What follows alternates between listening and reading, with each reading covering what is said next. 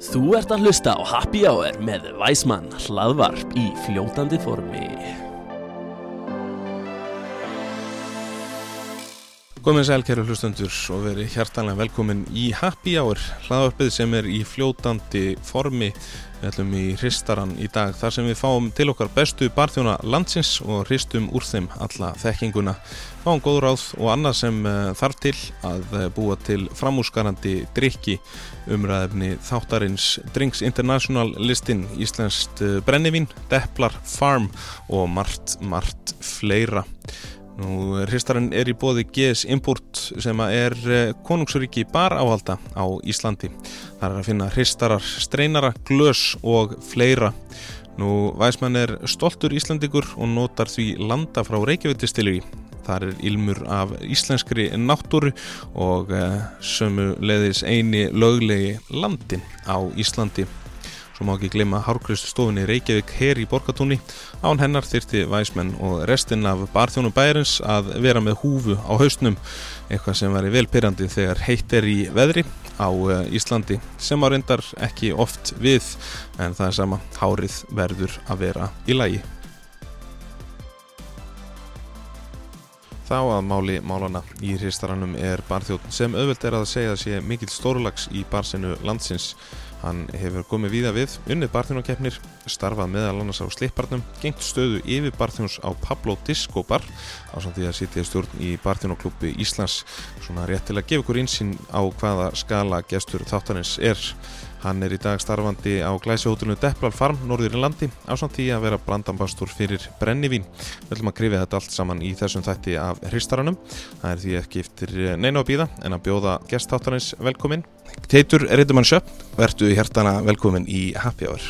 Já, bara takk fyrir að hafa mig. Hvernig er þetta? Er þetta ekki fresh? Ég er bara æðislur. Það ekki? Mjög, jú, bara fresh, fresh. Er loksins komið að þessu. Er loksins komið að þessu. Ég er búin að býða lengi, lengi og vel eftir þessu. Er það ekki? Jú. Nákvæmlega. Þetta er náttúrulega í raun og veru fyrsti þáttur ásins 2020 af hristaranum. Þannig að það er náttúrulega vel við hæfið að byrja það á, á svona stórlagsi eins og, eins og, eins og þér sko. Það er bara heiður ánæða.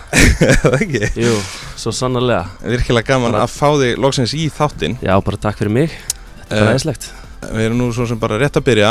Uh, við ætlum að krifja ímis uh, mikilvæg málefni uh, í þessum þætti uh, og megum uh, engan tíma að missa í þeim efnum. Uh, við ætlum að fara út um víðan völl. Sem er, komstu með þyrlu í bæði núna að norðan eða? Það kemur fyrir, en ég flög bara með Air Iceland Connect í þetta skiptið. Hann áttur náttúrulega að grípa tækifæri og segja nei, kom frá með enga flugulni. Ég vil eiginlega vera hreinskilinn í, í, í því sem ég segi, þannig að ég hef ekki þegar fengið að taka enda þóttuna, en ég er svona vonast til þess að það muni gerast einhver tíman. Hérna, köllum eftir því. köllum eftir því, það er kannski, það gerist kannski einhver tíman. Nákvæmlega. Herru, Teitur, áðurum við höldum lengra uh, og förum uh, yfir þetta allt saman, þá hérna langar mig að lefa hlustendum að, að kynnast þér aðeins svona persónulega, aðeins betur. Þannig ég ætla að byrja á því að spyrja þig reynlega bara, hver er Teitur Riddumann Sjött? Já, Teitur með sjött er sem sagt, uh, í Reykjavík, eða, eða sagt, ferillin minn byrjaði í Reykjavík á slippanum og á sínum tíma, sem var náttúrulega byrjun, í rauninni svona byrjun kraft koktel menningar á Mhm. Íslandi. Mm -hmm. vann þar um árabill, flutti til Þýskalands sem sagt, var yfir tveimur börum þar kom tilbaka, var yfirbarþjóðn á Pablo Discobar um tíð og meðan allt þetta gerist þá sem sagt, var ég það heppin að vinna nokkra kefnir eins og fórsti stillir í kefnina 2016 og brennivinskefnina 2016 svo er ég öðru sæti í vörglas 2016 líka og eftir þér reyndar. Sem var, sem var, sem var alveg aðeinslegt og hérna, og já, þetta hefur bara svona þetta hefur bara svona haft sinn gang og, og ég- er bara sem sagt, hafa mikið svona mér bara þjóð Já. Sko, í, á Íslandi sko. áður en við förum svona aðeins, við ætlum að fara aðeins dýbra í, í, í ferilinn uh, við múum að fá svona gott review hérna núna uh, sko, það verður vel að heyra svona aðeins aðdrandan þú veist, hvenar, ef þú ferð aðeins tilbaka og hugsa með þér sko hvenar uh, svona kveikjan kemur að því að, að þér dettur í huga þetta sé sniðugt? Herðu, kveikjan kemur eflaust í ment mentaskóla. Já, En nei, ég segi, þetta byrjaði nú allt í grunnskóla fyrir mentaskóla þegar mér langaði alltaf að læra að vera kokkur. Já, og byrjaði fór í MK í, sagt, í námi þar og kláraði grunddeildina og fór á sanning í smá tíma sem, sem kokkanemi Já. Uh, sem sagt fílaði það ekki út því mér fannst ekki gaman að vera alltaf bara inn í eldhúsi og ekki fá að tala við fólk og ekki vera já. uh, hérna, já, að búa til hluti fyrir fram á fólk og því það er það sem mér langaði að gera, fólk tækir til því það sem ég er að gera já. og ákvað því að, að reyna að pursúa það að fara meira á golfið þannig að ég byrjaði að vinna sem þjóttn og, og eftir það þá stutt eftir það þá byrjaði ég bara að vinna sem barþjóttn og, og ég bara elskaði það og hef, hef gert það bara síðan. Ég ætla aðeins að kvóta í, í, í hérna, hann Bárð sem er einmitt upp í MK hann sagði eins og við mig þegar ég var að læra til þjóns að hérna, varandi kokka að sko ef þú værir api hvort myndur þú vilja vera inn í búrinu eða fyrir utan búrið? Eflaust fyrir utan búrið. Það ekki. Allan daginn, allan daginn.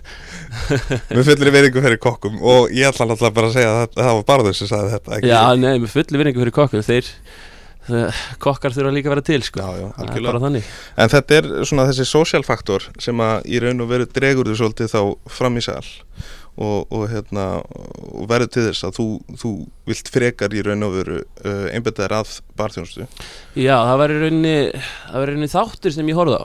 Sem sagt, japanskur teknmynda þáttur eða anime þáttur sem heitir Bartender. Nú það sem það var sem sagt, hérna, fjallað um barþjón sem gerði drikki fyrir gesti og það drikkinni sem hann gerði fyrir gestina voru alltaf sagt, bestu drikkinir fyrir þann gest í þeim aðstæðum. Þannig að hann, hann, hann gerði fólk hamingisamt. Ok. Og allir fóru glaðir út af barnum Mm. hjá hann þannig að mér langaði að vera, vera þannig. Mm fólk kemur til mín og fólk fer með bros og vör. Nákvæmlega. Myndur ekki segja í raun og veru að þú veist barþjónin sé kannski bara svona einhver millivegur milli þjóns og, og, og, og koks Við fáum einhvern veginn svolítið að, að hérna, uh, nota sköpurangleðina og, og hérna, búa til okkar eigið og, hérna, og fá feedbacki líka. Já, klálega. Þannig að maður fær bara feedbacki beint í æð, æð út af því að maður er að gera þetta fyrir fram að fólkið og, og sem, sem er rewarding, sem skilar, skilar miklu Mhm, finnst mér sko. þannig að þannig að ég hef bara, já. Segðu mér hérna uh, er, var einhver svona drikkur sem að heitlaði svona í byrjun? Hva, hvað var, voru menn að vinna með á þessum tíma ef þú ferð tilbaka? Sko, fyrsti drikkur sem ég bjóð til var bara þegar ég bjóð í hafna fyrir heima hjá mamma og pappa fann eitthvað svona eldgamalt kopar uh, ristisett í, í eldgamlum antík skáp og, og ákvaða sagt, að búa til eitt drikk úr þessum þætti sem ég talaði um áðan sem heitir í rauninni Gin Fizz. Já, og ég hristi hann í rauninni sem bara í rauninni gin, feskur, sítrónusafi og sigur síróp. Svo toppa upp með sótavatni. Hendi í þannig drikk og mér fannst það bara svo mér fannst það rosa góður og þetta var uppáhaldsdrikkurinn minn í langan tíma eftir það. En svo eftir það þá kynntist ég Mai Tai Mm. drikknum það var í rauninni þegar ég var í Þísklandi ok og, og, og mér fannst, það rosalega góður út því að, að karakterinn á rommunu skein svo vel í gegn er svo ferskur og hann er ekki þú finnur ekki mikið fyrir eh, sem sagt hérna bitinu Mhm. þegar þú ert að drekka hann þannig að þú getur, drikk, drikk, þú getur drukkið tíu í einni setningu Já, sem gerist einu sinni já. En það var, var skemmtilegt kvöld. Förum ekki nánar út í það kannski? Nei, nei, nei, nei. þurfum ekki að ræða það betur. Hérna, segð mér sko áttur svona á þessum tíma áttur einhver svona fyrirmyndir í barheiminum? Sko, ekki á þessum tíma því að þegar ég aldist upp í þessum barheim á Íslandi þá var í rauninni bara einn maður sem ég leit upp til Já, sem hérna er í rauninni umtalaður í dag en hann heitir, hann heitir Ási, við veitum alveg flestir hvað það er. Já, já, og hann hérna hann sem sagt bjóð til seðilinn og, bjó, og var, bjóð til prógrami á slipanum með sínum tíma. Mhm, þannig að ég svona leit upp til hans þegar ég var að byrja þessu Mhm. mjög mikið og hann náttúrulega gerði rosalega sniðu að hluti þarna að það má náttúrulega kannski segja að, að koktelar hafa alveg verið hérna á Íslandi í gegnum uh, tíðina. En slipparinn í raun og veru kom með svona trendið koktel Já, trendið, uh, þú veist, að framlega heimagerð síróp og, og infusions og, hugsa og svolítið út fyrir kassan svolítið. Já, já, akkurat, og, hérna, og Ási var náttúrulega mjög, mjög stór partur af því. Hann var það, hann var, hann var meistari í þessu á sínum tíma Nákvæmlega. Uh, spurningum að fá hann bara einhvern tíma í fyrstarann Ég held að það sé eina viti. Algjörlega. Herðu, uh, þá ætlum við raun að fara aðeins svona grúndikt yfir feriliðin teitur. Uh, þú byrjar hérna í grundeldinni uh, á, á hérna samningi kokkinum. Uh, síðan ferði að vinna sem þjótt Hva, hvar var það? Það var á höfninni hérna Já, við eftir á gömlu höfninni já, sem, er höfninni sem, sem er svona klassískur svona íslenskur Mhm. veitingastæður og uh, já, vann þar sem sagt í nokkur ár Mhm. í rauninni en var alltaf, vildi alltaf vera það var engin barana í Mhm. rauninni en ég var samt alltaf á bakvið barinn að reyna að reyna að búa eitthvað Mhm. eitthvað spennandi að framlega eitthvað spennandi fyrir fólki þótt þetta hafi í rauninni ekki verið mikið mikil, hérna, mikið koktelprogram í gangi hér. Já, en maður var alltaf að reyna eitthvað og, og hérna prófa eitthvað nýtt. Sko það sem ég finnst einkenna þig svolítið uh, sko ef ég samanber þig uh, á meðu við marga aðra barþjóna er að þú ert með rosalega góða uh, þjónustulund, þú ert í raun með reynslu í þjónustustörfum. Uh, og það er náttúrulega oft höfum við bara séð eins og þú veist sjálfur að, að mikið af barþjónum sem að eru í gangi í dag þeir eru eiginlega bara hálf hrætti við að fara fram fyrir barinn og halda að þetta snúist fyrst og fremst bara um að búa til uh, heima að gera skósólasýrup eða eitthvað leis hún teki alltaf skósólan hérna en, en, en við hvað minna að, að svona social faktorinn og í raun þjónustulindin hún sé aukaðri, ert ekki sammálaði að hún eigi raun og veru að vera í líkilhutverki hún á að vera í leikilhurverki alveg jafn alveg jafn mikið og annað sko. Já. finnst mér að hérna uh, þú veist þú ert fram á gólfi til, til að gleðja og, og gera gaman fyrir framann sem sagt með kúnanum. Það finnst mér og mér finnst það bara að vera já líki hlutverk í því að að sem sagt að vera barþjón nákvæmlega, ég er alveg sammálaðir Herðið á höfninni uh, þar uh, síðan söðlarum hvert ferðu þá?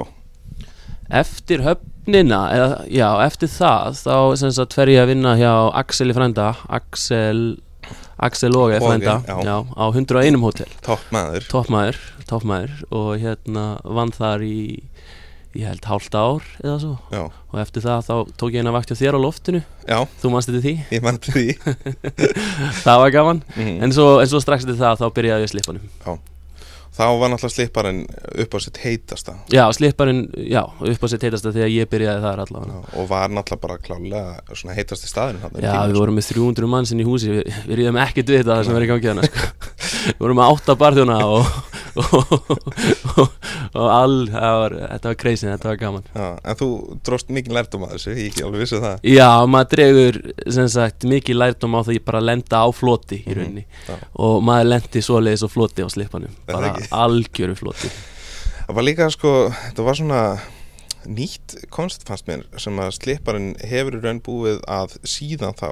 Uh, nú náttúrulega Daniel Jón komin aftur á slipparinn sem er mjög gaman. Uh, að, að seðlanir tölur mikið vinna lögð í koktelseðlanar Já, í bæði, bæði hráefni og í, sagt, Og í grafi, já, framsetningunum og grafíkinni líka. Það er, það er, það er alltaf, alltaf eitthvað þema Já. í gangi sem, sem gerir það meira spennandi algjörlega, sammála því. Er þetta ekki eitthvað sem við getum bætt ykkur í bara yfir höfuð í sinni eða? Jú, ég held það. Hérna bara Jú, ég held að það væri eitthvað svona ef framsetningin væri aðeins skemmtilegri þá, myndi það draga, Mm draga fleira fólk að alveg klálega Nákvæmlega En síðan uh, sölurum á nýjan leik uh, slipparinn, uh, þú, þú rennur þetta skeið þar, hvert ferðu næst síðan? Sko, uh, sem sagt í millitíðinu þá flytti til Þýskalands í, í, í tvö ár, Já. nei í eitt ár segi ég. Og sem sagt byrja að vinna á bar þar og, og er yfirbarþjótt þar og svo byrja að vinna á öðrum bar líka. Þannig að uh, sem sagt sem yfirbarþjótt þannig að hinn barinn lokaði þannig að ég þurfti að finna mér, finna mér annar starf. Og svo var það bara orðið pínu þreytt sko. Já. mér langaði bara að koma aftur til Íslands. Já, ertu heimaker á Íslandi? ég er mjög heimakjör í Íslandi, já, Já. já, ég er það. Um, en þú ert uppinu sko fjölskyldaðinn, talandi um að vera heimaker, þú ert í raun uh, ættaðar utan landið ekki? Jú, ég er í rauninni ættaðar að norðan. Já, ólst reyndar upp, ég er frá Eilstöðum, ólst upp á Eilstöðum Já. en sem sagt sjött fjölskyldan hún eh, kemur með smegnis af, af norðan, Siglufyrði og Akureyri og þar. Já, nákvæmlega uh, En síðan náttúrulega kemur heim aftur og hvað tekur þá við? Er það á slipparinn? Já, það var að slipparinn aftur Já. og þá vinn ég þar í einhver tvö ári viðbót Já. þangað til að þangað til að ég er dregin á Pablo með sem sagt Ása og, og teiminu þar á sín tíma Það var náttúrulega massa teimi og, og ríkala skemmtilegt að fylgjast með hvernig Pablo kom einhvern veginn bara og eignaði sér sinnuna. og gerði það, klálega en hérna eins og maður veit þegar það eru þegar það eru svona margir stóri hausar á sama stað Já, þá hérna þá, þá getur það, það sprungið það er og góðu frendi minn sagði, það er hérna, það er oft, oft erfitt ef eru, ef eru, eru of margir höfðingjar og of fáir indjánar. Akkurat Já, þú meina það Já, þetta er svolítið gott. En þetta, já, þetta var, þetta var fljótt Fólk var fljótt að, að, sagt, að hætta Mhm. Og hérna Og eftir, uh, ég var búinn að vinna þar í hvað, hvað sé, hálft ári eða, eða, eða svo Þá Mhm. var ég í rauninni bara búinn að taka við Sem var þá nýtt verkefni Já. eh, Sem sagt, hérna Sitt í það að ég þurfti að bara taka við þessu Og, og, og, og, og sem sagt, búið til kókteseðil og, Mm og sjá bara, sjá bara pínu um þetta Þannig var þú í raun orðin yfirbarþjóðn á Pablo Discobar. Þá var ég orðin yfirbarðun á Pablo Disco bara það Hvernig, hvernig fannst þér að, að fara í þá sko?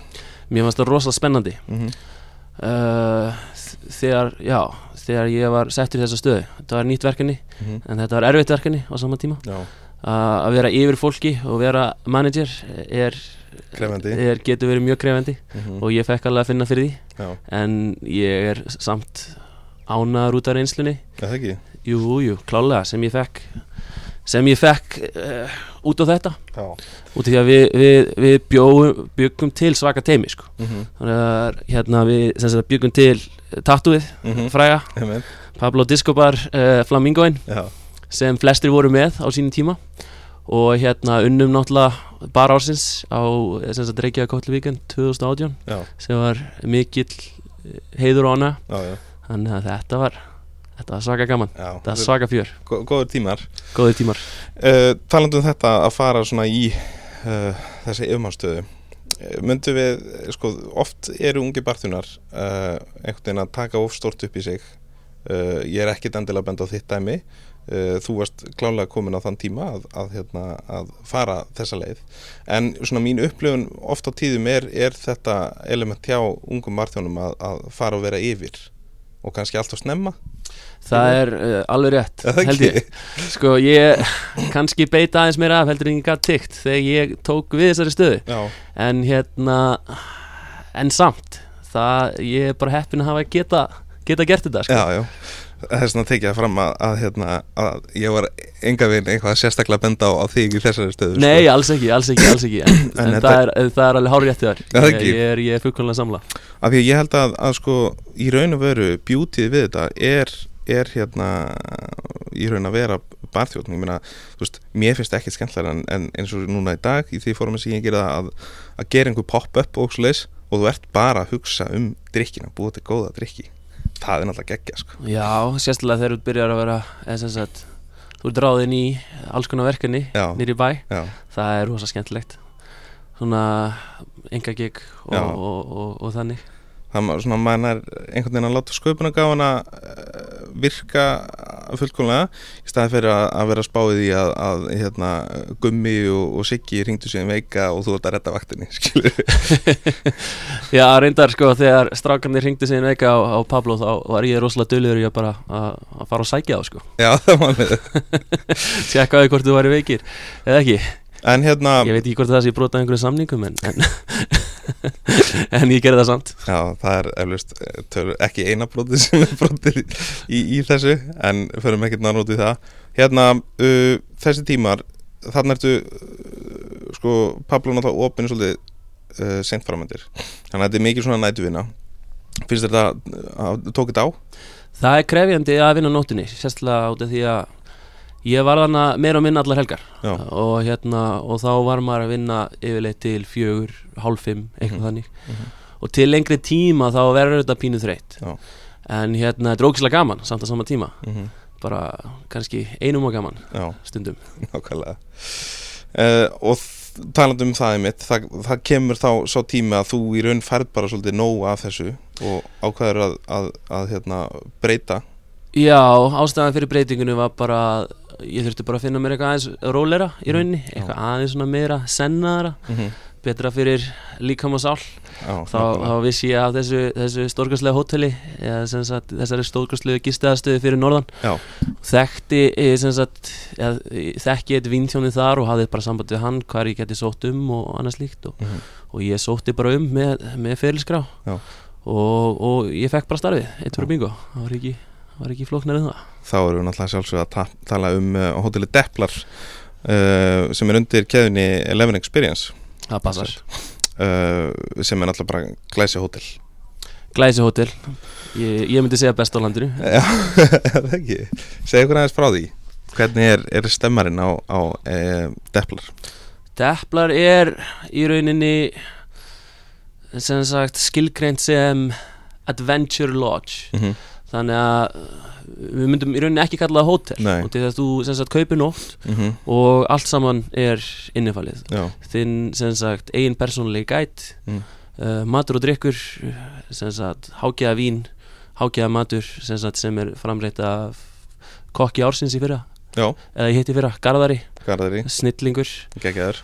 Og hérna og, og já, þú kemur hana og það er bara allt það er bara allt, það er séð fyrir öllu. Mm þannig að þetta er, þetta er algjör luxus. Og þú ert í raun mat, sem gestur þá ertu bara mataður af öllu sem er í búði já, þú bara mataður öllu sem er í búði er bara, þetta er bara, þetta er next level dæmi sko. Það er náttúrulega geggjað og, og hlýtur að vera hrikalega gaman að taka þátt í þessu. Þetta er, þetta er rosa gaman, þetta er örfisi klientel náttúrulega, Já, heldur en var á Pablo en það segir sér kannski bara sjálft. Mm þetta eru mest megnis bandarækjumenn sem eru að koma. Já, og þetta er uh, rosa, rosa næs fólk. Það er ekki erfitt að eiga þetta fólk. Nei, þetta er bara, held ég bara besti kúnahöpur sem maður getur haft.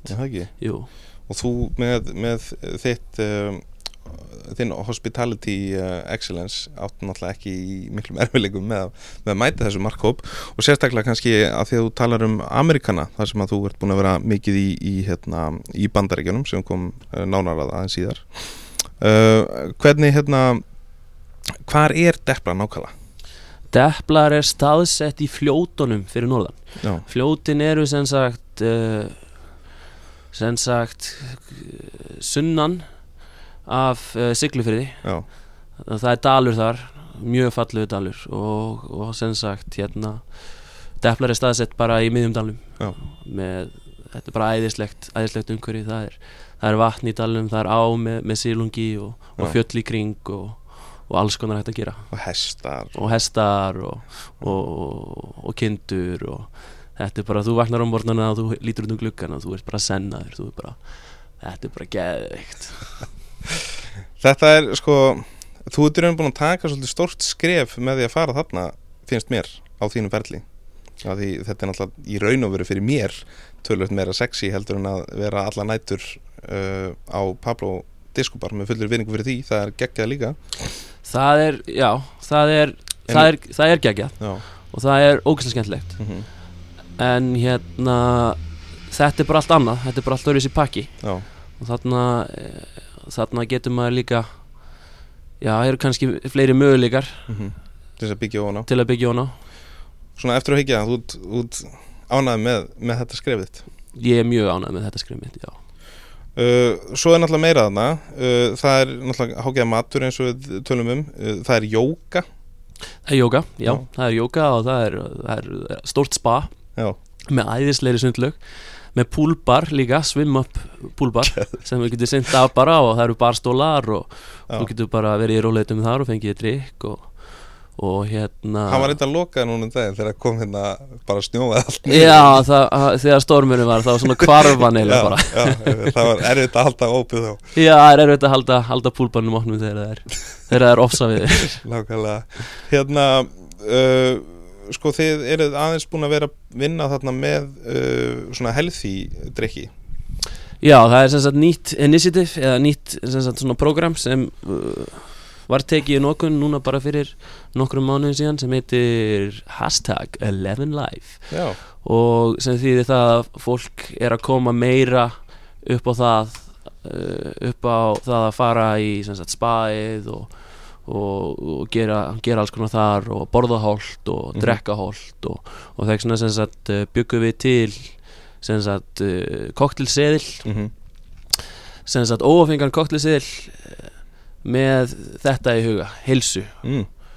til dæmis þá er eitt drikkur með, með, með grænkáli, eplum matcha te, bara svo er annar með engiferi, turmeriki og svo er annar með hérna feskungulrótasafa og, og allt og allt þetta já, Fannst þér ekki gaman að stúdira í raun þetta? Þú veist það því við höfum alltaf verið að pæla í bragði en núna þurftur í raun að, að taka skrifi lengra og pæla í svona heilsu fannst áhrifum uh, ráfninsins já, þetta er í rauninni eitthvað sem ég hef ekki pælt í áður þannig að þetta var skemmtilegt verkefni, mm -hmm. klála og ég hafði mjög gaman að því. Mjög gaman að því. Ég er mjög spenntur að að sjá hana siðil og ég er nú bara drullu spenntur að fara veginn að heimsækja það. Já, um að gera að koma heimsækja, það er ekkit það er ekkit mál, Þú sem, þig, ekkit mál. Nákvæmlega, þú sendið þyrlun eftir mig bara einhvern veginn já, já, ekkit mál, þetta er bara eitt símtal og það, er komið Já, en hérna hvernig fólk er það? Er þetta bara alls konar fólk sem kemur? já, aðalega mestmægnis sem sagt amerikanar, eins og ég segi Já. ég myndi segja svona 70% amerikanar Mm -hmm. og svo bara alls konar frá uh, restina af heiminum hérna úr Evrópu uh, frakkar kynverjar og bara alls konar Já. í rauninni og, og yðurlega svona kannski ágætlega efnað fólk ágætlega efna fólk, já. Ágætlega efna fólk Hva, Hvað kostar eitt svona 11 experience uh, einnótt svona? Nóttin, núna á vetunar held ég kosti eitthvað í kringum 350.000 Nú, já, já. Ég lændi nú að vera. Já, og með hvað er inn í því sko. Já, en hérna dýrar er náttúrulega á sumrin þegar það er, er meira að gera. Já, já, og svo er sem sagt heliskiing season uh, í mars, april og mæ sem er þá aðeins dýrari líka já, já, emmitt Það er náttúrulega þegar þú fer með þyrlungstur upp á loft og, já, upp, upp, upp í fjöll Já. og þá ertu bara tekin upp í fjall og þú skýða bara niður fjallið sem er bara geðvegt Þetta er svo mikið svona, já, þetta er náttúrulega klikk. Já, þetta er klika, þetta er, þetta er svakalegt. Þetta er mjög skemmtilegt. Hérna, mælum með að fólk kí- kíkja á það. Uh, 11 experience. Uh, 11experience.com uh, Næst Teitur, ætlum við í hrikalega skemmtilegan lið. Til í það. Sem að er líka hægt að sjá á Instagram. Uh, þessi liður heitir Streinerinn uh, þetta er hérna að því við erum nú í hristaranum að þá náttúrulega þurfum við streinir til þess að, að hérna, streina drikkin í, í glas. Auðvitað. uh, nafnið uh, kemur frá honum uh, meistara Áskeri Bergmann sem var uh, síðasti gestur í, í hristaranum. Hann er uh, hérna íslensku barþjóðn í Belgju sem er magnað. Það er svakalegt. Það er mjög cool já, og hérna þetta er sem sagt spurningaleiður uh, og uh, þú bara gerir í raun þitt besta í þessu. Og ég ætla að taka það fram að þetta er ekki bara spurningar frá mér.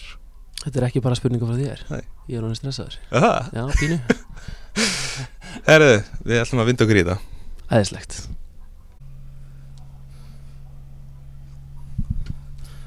Herðu, uh, Teitur, já, Andri, þú hérna gerir þitt allar besta. Ég er einu við besta. Þetta tilbúin eða?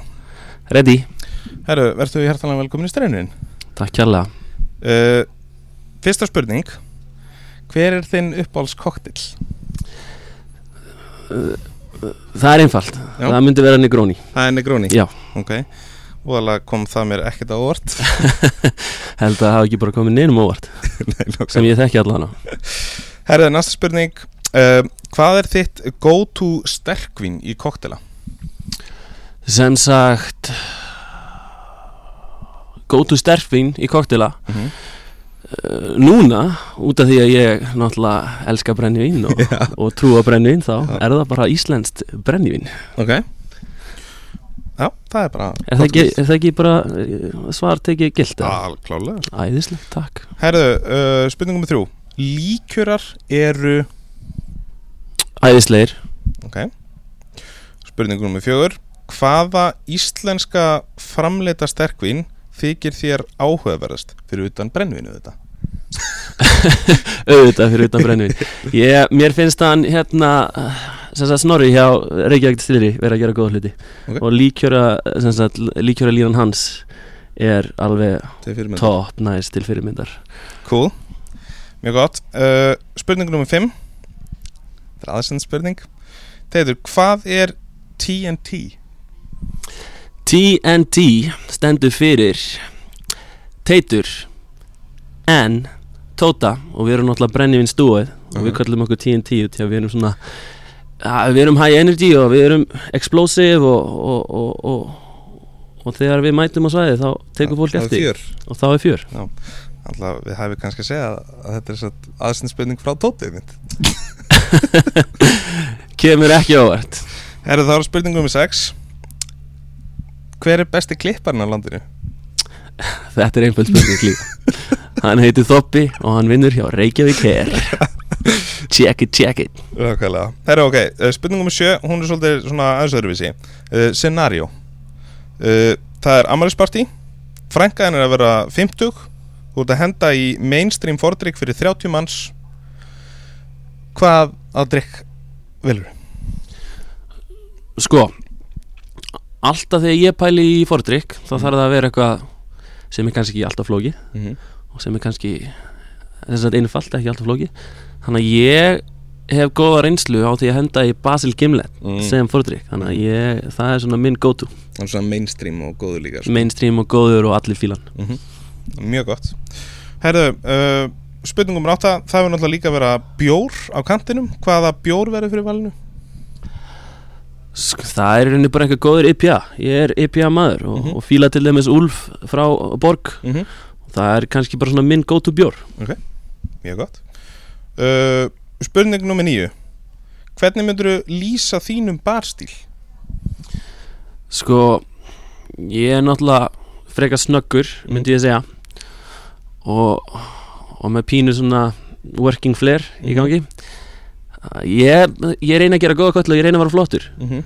reyna að vera hraður, flottur og og já, Þú ert energetic já ég myndi segja það, ég er energetic. Það já, já, ég er hérna en ég myndi ekki segja að ég væri út um allt. Nei, ég sammála myndi því segja að ég væri frekar skipulaður þegar það kemur að minni kollgerð algjörlega. Uh, Þetta var aðsend frá orðnum Jónmundi Takk fyrir Jómundur Herra, næsta er líka aðsend spurning. Þetta er geggju spurning frá honum uh, Jóni B. Uh, Ef þú geti fjarlagt eitt kokteil eða drikk úr sögubókunum Hvaða kokteil slags drikkur verður það? Það getur fjarlagt eitt drikk úr sögubókunum. Ég held að flesti myndi segja moskamjúl En ég ætla ekki að segja moskamjúl Því að mér finnst gaman að gera moskamjúl Mm -hmm. Það er, hérna, mér finnst það bara sniður drikkur Ég myndi örgulega fjarlæga Long Island Iced Tea. Já, ok. Það var eiginlega margir sem að væri það. Já, það ekki. Ok, mjög gott. Já, Herru, uh, 11 Hvaða uh, aðilar í veitingageranum hér heima eða erlendis lítur þú mest upp til? Þú ætlum búin að nefna hérna Ása áðan já, í podcastinu. Já. Uh, Úti myndi ég segja að það hafi verið barþjótt sem ég er búin að horfa á mörg myndbönd með. Og, og stílinn hans ég farið á pop-up með honum eh, sagt, þegar ég var í New Orleans árið 2016 þá fór ég á pop-up með honum hann til Luca Cinali oh, og hann er svakalur og hérna heima ef ég myndi líta upp til einhvers hérna heima þá var held ég bara þú andri minn sko. Æ, takk fyrir það Herðu, þú stóðst upp með fríði Æ, takk fyrir það. Ha, Herðu, takk fyrir þetta. Mín er ánæðin Herðu, já, Teitur Hvernig fannst þið streinunin? Streinin, þetta var bara þetta var bara geða gaman. Það ekki? Jú, Gaman að fá svona spurningar uh, úr sal úr hlutis já, bara æðislegt. Uh, Þökkum þeim náttúrulega kella og, og uh, minnum með mitt á þættina með þeim aðlum sem að þar komið fram og svo náttúrulega er hægt að sjá uh, þetta einslag inn á uh, Instagram síðu væsmanni eins og ég nefndi En uh, næst, Teitur, ætlum við að ræða brennivín Brennivín, ég trú á brennivín Já, er það ekki? Jú, svo sannarlega Hvað hérna segum er hvernig kom það til að þú fórst að vinna fyrir brennivín? Herðu, það kom allt í rauninni bara í kjölfar brennivínskeppninar innar árið 2016 Já. Og ég var uh, svo heppin að vera í fyrsta sæti þar. Já. og eftir það tóku við alls konar verkefni. Það var ringt í mig sem sagt árið eftir keppni. Að ég fekk að fara til, til fyrst og fremst fekk ég að fara til eh, sem sagt New Orleans Já. með tím Brennivín sem var uh, geðið gaman árið 2016 og svo árið eftir það þá var hringti mig frá Íslandsstofu. Um, og ég sem sagt spurður hvort að ég væri til í að fara í verkefni til bandaríkjana sem sagt og þú náttúrulega sagði nefið því strax, Já, ekki? ég sagði bara strax sko Nei, ég sagði bara uh, uh, Já, Já, ég er alveg til í það auðvitað sem var í rauninni það er í rauninni event eða viðbörður sem er kannski ekki sagt beint tengdur brennu, brennivinni en Nei. sem er samt sponsaður af brennivinni Ok, og reyka vodka Já. og hérna og þá sagt fór ég ásamt uh, kokki uh, íslensku kokki í íslenskri hljómsveit líka og fleiri aðlum og við settum upp viðburð í sem sagt fimm borgum í sem sagt bandarækjunum þar sem við vorum í rauninni að auðlýsa Ísland og Mhm. markasetja Ísland bara sem land þannig að ég var að búa til sem sagt koktela með já, sem sagt með íslenskum hráöfnum og, Mhm. og á mörgum börum og stöðum veitingahúsum sem sagt þarna í bandaríkjörum í þessum borgum sem ég var í. Geggjað. Það er náttúrulega hrikalega skemmtilegt að, taka þátt í svona uh, verkefni geti ímynda mér. Uh, Þú talar um að þau farið þarna 2016 til New Orleans. Þá fóruðu náttúrulega á Tales of the Cocktail eða ekki? Jú, Tales of the Cocktail í New Orleans sem er einn ein stærsta koktelháttíð í heiminum. Já, já. Og, og hérna þangar náttúrulega koma bara fleiri þúsundum manns uh, alls þar úr heiminum. Og þetta er mjög svona marktækur uh, event eða viðburður uh, svona í þessum geira. Mjög gaman að tekka á. Það fer alltaf fram hvað, í júli eða ekki? Jú, í júli yfir sumarið það er reyndar svakalega heitt hana.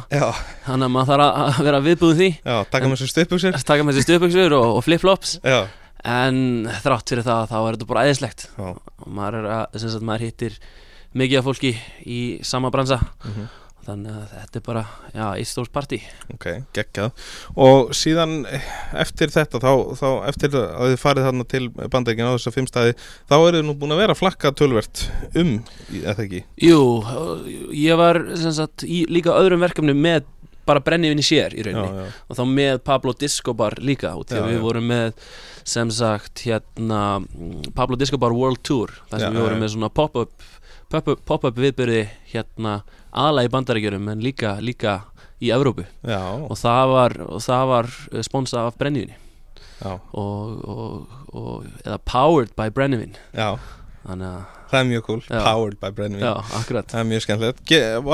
Sko ég hef nú einu sinni lent á svoleiðis viðbyrði uh, hérna í Detroit. Í D2 Já, já, Þa, það var alveg frekar skemmtilegt Já, uh, ég man eftir Detroit sérstaklega út því að við gerðum sem sagt það sem við kallum Jésúsin er að hérna að hinn, við vorum tveir og við sem sagt hérna hann fyrir ofan á axlunar á mér og við búum til koktela uh, sem sagt ég með annan mann á háhæst og, og, og það gerðist þá þetta kvöld sem var rosa gaman og við rifum okkur úr á ofan og það var eldur og það voru læti. Já, bara allt sem að, maður þarf í lífinu.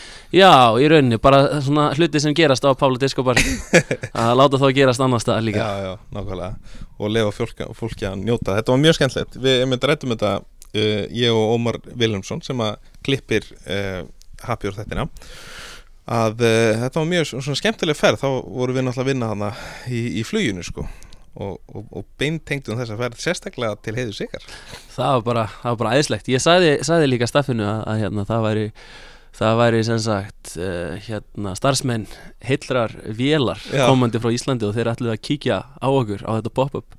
Og þeir voru rosalánæðir Já. með það. Og það ekki? Jú, tóku vel á móti ykkur.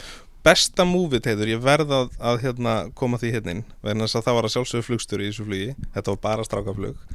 Og sko, talandum þitt hospitality uh, hérna uh, effort að sko þið fannst náttúrulega bara auðvitað við hæfi að, að það var hérna einhver uh, svona kaftina húa eða ekki á barnum Jú, barinn sem, sem heitir Lost River, þetta er svona tiki bar, mjög vel skreittur alls konar, alls konar svona propsi og hlutum Já. og það var þarna svona kaftina húa og, og mér fannst það bara vera sjálfsagt að, að taka hana og setja hana á kaftinin úr vélinni. Sjátt á, hérna, á Vignir uh, flugstura Hann Vi, var- var- Vigni fljókstýra og hann, hann, hann var alveg hann var stoltur að því að vera með húna hann tala bara en það um þetta. Já, það var aðeinslegt hann, hann var með hana það sem eftir í Já, kvöldsins. já, já. Það, sem Það eru svona hlutir sem gera kvöldin eftirminnileg sko. Alveg klálega. Já, eitthvað sem, eitthvað sem þú upplýðir ekki annar staðar og Já, eitthvað sem þú séð ekki annar staðar það er eitthvað sem þú munt muna eftir. Nákvæmlega, nákvæmlega. En hvað, svo er eitthvað, er eitthvað döfinni eh, hjá brennuvin núna? Uh, tala um einhverju keppni eða eitthvað svoleiðis. Sko, við erum að plana eh, sem sagt brennivinskeppni núna í sumar. Já. Uh, Það er ekki alveg komað hreint hvernig hún verður og, og um hvað hún snýst. Nei. en uh, þetta er allt í bígerð Mhm. þannig að það verður, verður svaka þetta verður svaka fiesta. Spennandi að fylgjast með því. Já, mjög svo. Herðu, þá ætlum við að fara hans í barsenu Íslands heitur. Barsina Ísland, Já. let's go. Við erum nú svona svolítið stolt af okkar barsenu og, og hún er svona okkur svolítið heilög. Við sammála því. Hún er það, klálega Hvar, hérna, hvar myndir þú segja að við stöndum með tilliti til borga bara ef við tökum stærstu borginnar eins og London og New York? Sko, náttúrulega það sem við þurfum að átta okkur á er að Reykjavík er lítil borg, Mhm. hún er ekki nærði jafn stór og, og til dæmis London og New York. Þannig að, og sagt London og New York til dæmis, það er búið að vera barsina þar í gangi í, í sagt mörg mörg ár. Mm -hmm. og meðan kannski okkar barsina byrjaði ekki fyrir, fyrir kannski 10-11 árum síðan En á þessum tíu árum þá er barsennan hérna á Íslandi búin að búin að sem sagt að vaksa alveg svakalega. Þannig að núna til dæmis þegar ég ferðast til aðra borga og fer á koktelbari og, og smakka drikki þá finnst mér bara mér finnst koktelin er eiginlega bara bestir hérna, hérna á Íslandi Já, núna, já. bara betri inn í London og New York eða verið að segja sér Já, nákvæmlega, talandi um að vera heimakær auðvitað.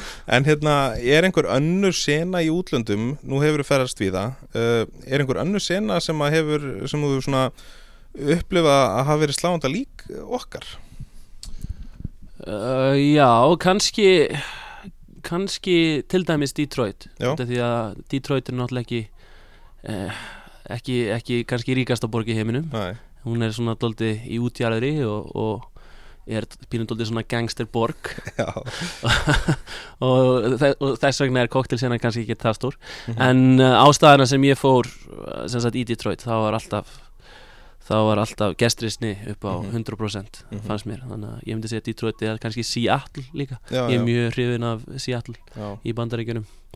Það er á bökkallistanu hjá mér. Já, þú verður að fara þangað Alveg klálega, ég er, tek undir þetta. Mér finnst Detroit svona að- að engendi svolítið svona bráðrút milli, milli barþjóna.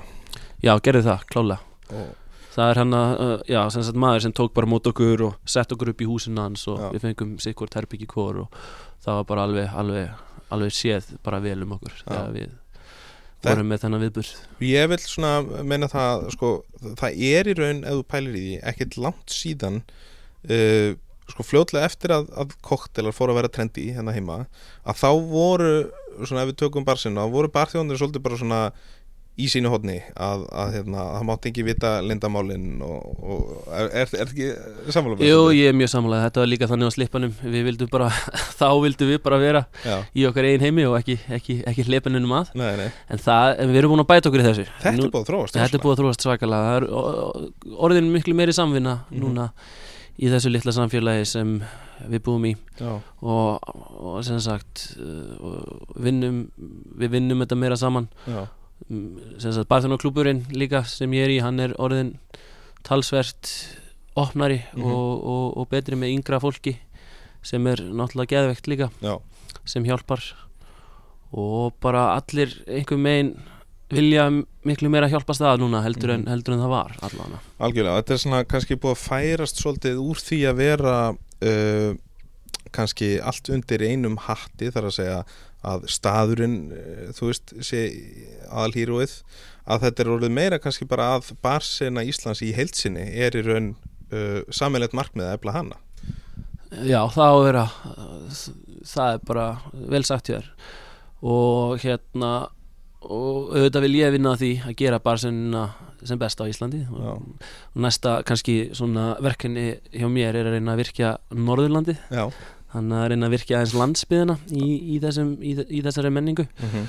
ekki bara svo að það sé Reykjavík og nágrinni heldur allt landið. Þannig að það, þetta geti verið eitthvað spennandi komandi á næstu tímum Alveg samanlega því og við erum drættum þetta á, á stjórnanfundunum uh, í Barþjónarklub Íslands þar sem við erum saman í, í stjórn. Akkurat. Og, og hérna þetta er náttúrulega í raun og veru bara kjörið fyrir þig verandi þarna fyrir norðan að, að hérna að uh, svona rétta uh, þeim viskubrunn í hendunar á þeim sem að eru þar og, og hérna og einmitt ebla þá senuna fyrir norðan, alveg klálega Já, klálega, það eru náttúrulega margir góði staðir fyrir norðan. Já, Þannig að til dæmis Striki sem er að gera æðislega koktila núna, ég hef farið þanga nokkru Já. sinnum.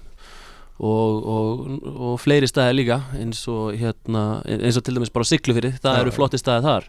Já, já, sagt nýja hóteli með flottan bar það verður hægt að gera eitthvað, gera eitthvað skemmtilegt þar líka. Nákvæmlega Ég var nú einmitt að uh, adda einum hérna á grammið um daginn uh, barþjóni honum Ímir Já, akkurat, passar, ég þekki hann. Já, uh, hrikalega gaman að, að maður sé svona fann að þekkin upp á, á barþjónum fyrir norðan. Já, klálega En hérna, á hvað sviðum myndur segja við getum bætt okkur?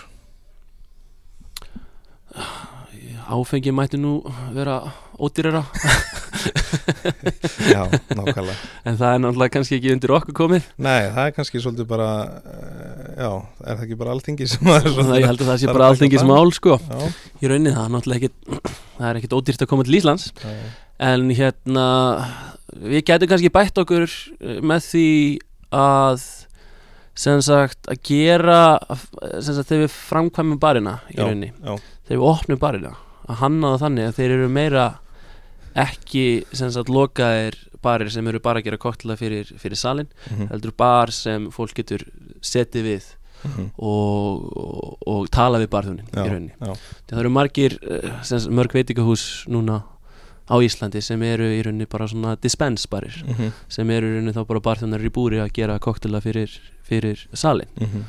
og með því að, með því að breyta þessu kannski eh, pínu þá getum við eða, með nýja staði að hanna þá barina þannig að það sé hægt að setja við barin og það sé hægt Mhm. að hafa gaman með fólkinu sem er að búa til þína Þetta er svo raugrætt hjá þér vegna þess að ef við förum sko svolítið, svolítið aftur í tíman og, og tölum um hérna hótel sögu á sín tíma að þá var það náttúrulega bar og þá var það miklu þekktar að fólk byrjaði í fordrykka á barnum færiði sér svo inn tók jafnvel sko annarkur desert inni eða fór aftur bara fram á bar og tók desert og æris og eitthvað svolítið á barnum þú veist, auðvitað er þetta náttúrulega bara veist, það er miklu þægilega að, að sitja í góðum stól og, og slaka og drekka, drekka, drekka góðan kokteil heldur en að sitja við mandarborð í raun og veru Já, alveg klálega en, uh, en ég sé samt bætingu núna Já, já. í þessu sem er æðislegt mm -hmm. og hérna já eins og til dæmis þegar við byrjum á Pablo það var náttúrulega bara sér eining fyrir sig. Já, já, og reyndum alltaf að setja senda fólk upp áður en að áður en að sagt, settist niður á Búró sem er veitingastæðurinn á neðri hæðinni. Já, já, senda það upp í drikk, fór drikk áður en að, að fekk sér sæti. Já, algjörlega. Það er algjörlega til, til fyrirmyndar. En hvað með hérna bara svona þekkinguna, svona ráfnistekkingu barþjóna áslis, getum við bætt okkur þar? Já, alveg klálega. En það vantar kannski það vantar kannski kennslu Mm á landi Já, einhvern svona barþjóna skóla. Já, þannig að en sem ég held samt að það er ekkert langt okkar til að einhver muni láta það gerast. Nei, nei. Það er nú kannski mögulega eitthvað í bíkjar þar. Það er kannski mögulega þannig. En, en það vantar samt, alveg klálega Já, hvað hérna hvað myndur segja að vera svona stærsti feillin sem þú sérð uh, barþjóna gera? Bara, mér finnst stærsti fyllin að barþjónar eru ekki alveg no nice kannski. Já, já, að þeir eru bara þannig að gera drikk og hendunum frá sér og, og hérna og rukka fyrir hann. Og það Já. er ekkert meira en það. Gef ekkert eh, gef ekkert, gef ekkert af sér. sko í rauninni. Og líka kannski bara já, kannski bara með klakan líka. Já, það eru sumir sem setja bara tvo klaka í, í ginotónik og svo er það bara ekkert sjálfa góður nákvæmlega. En fyrir þá sem vita það ekki þá er sem sagt eh, með eh, drikkir virka þannig að því meiri klaki því betri gæði. Mm og það er bara þannig. Og þetta er náttúrulega bara raugrætt vegna þess að í raun og veru að út með meiri klaka og þá kannski en stærri að þá tekur lengri tíma fyrir uh, klakan að á þiðna að þiðna og, og þá, og þá sagt, helst drikkurinn góður í lengri tíma. Nákvæmlega. Klálega Hverju myndur þú segja að vera svona vestu eiginleikar uh, barþjóna, bara svona algjörð no-no sem að þú hefur séð? Algjörð no no, hérna. Hmm bara kannski að uh, ég þarf aðeins að hugsa hugsa aðeins undir þetta eða hvort það hafi verið eitthvað þannig atvik, atvik einhvern tíman komum þess aðeins einna kannski? Mm -hmm. Mm -hmm. Geta verið kannski svona mísum plass eða, eða undirbúningur Mætti hann vera betri? hann mætti vera klálega betri sko Eða ekki? náttúrulega barinn er bara jafn góður og, og þú preppar hann sko í Mhm. rauninni ef þú preppar ekki neitt þá bara lendur í, í skýtnum Mm -hmm. og það er bara þannig þannig að mísum plats skiptir rosa miklu máli Nákvæmlega Herru, þá kannski við hæfa við förum aðeins í, í, í hérna jákvæðri tóna. Í, Já, hvað er tóna, ég er alveg til í það. Aðeins í uppbygginguna. Hérna, hvað við að gera vel í dag? Já, við erum að búa til og finnst mér allavega íslenska barsennin er að gera mjög góða koktela Mm. og allir koktelar eru flesti koktelar eru í balans og eru, eru mjög bráðgóðir Mm -hmm. það er kannski helsti eiligin finnst mér, Mm það sem er í gangi Nákvæmlega uh, Er eitthvað svona íslenskt hráöfni eða svona íslenski framleiðendur uh, þar að segja af drikkjaverum sem þér þykir áhugaverður? Já, ef við tölum um kannski áfengi þá er það náttúrulega mjög hrifin af eins og ég saði hérna áðan uh, 64 hérna distilleri, það er Reykjavík distilleri frá Snorra ég er mjög hrifin af sem sagt, öllu sem þeir gera og ég nota, nota það rosalega mikið til dæmis fyrir norðan Mm. í koktelina mína þar og hérna já og eins og, eins og genið sem þeir gaf út. Já, það er náttúrulega bara, mér finnst það eiginlega bara eitt besta gen sem ég hef smakað. Angelica? Angelica genið, já, Mhm. akkurat. Svo náttúrulega Himprim að gera góða hluti líka. Þeir eru með svaka gott sagt, svaka góða vöru. Og og fleiri líka, það eru það er slatti, Fosti stillir í að gera, gera mjög góða hluti. Mm -hmm. Og hérna og margir aðrið genframlegendur að gera gott líka. Mhm, Nákvæmlega. Sko um, En hvað með svona eh, eitthvað uh, óafengt sem hefur verið að gerast? Getur við ekki kallað eftir einhverju meiri vitneski um það? Þú veist, gos eða þú veist. Jú, það kannski vantar meira íslensku sagt, gosi og, og svona mixerum sem væri Mhm. hægt að nota í koktela mm -hmm. Ég veit að hérna sem sagt Agla góðskerð Mhm. er núna sem er verið að þeir eru byrjaðar að framleiða til dæmis engifibjór sem er rosalega góður Mm -hmm. svakalega góður engifibjór en það, en það vantar alveg klála það vantar Mhm. fleiri, fleiri, fleiri framleiðendur Það verður spennandi að fylgjast með, með þeim og, og vonandi fleirum uh, Hvað viljum við svona þegar við lítum á heldarmyndina hvað viljum við að uh, einkenni okkar barsinu Mér finnst engin að sem sagt bara svona henni Reykjavík allana þetta er svo lítið svæði. Þú, Mhm. getur, þú getur labbað allt. Og þarft ekki að þarft ekki að keira einhvern lengst, í bur, lengst í burtu eða Já, taka já. tax einhvern. Þetta er allt hérna miðsvæðis. Allt, allt, allt í göngufæri Já, í rauninni, eða flest allt í göngufæri og hvað hún er lítil og, og, og þess að bara hvað bar sem er lítil og hvað allir þekkjast svo Mhm. vel og allir vita hverjir eru þannig að það er það gerir þetta það gerist bara svona hérna einstaka Mhm. myndi ég að segja ok og þannig að og svo ljúkum þessu að getum við ekki bara verið stolt í raun og veru af þessu Mér finnst að við getum bara verið svaka stolt af því sem við erum búin að áorka hérna Mhm. á Íslandi, hingað til og það er meira á leiðinni nákvæmlega. Og það er bara þannig.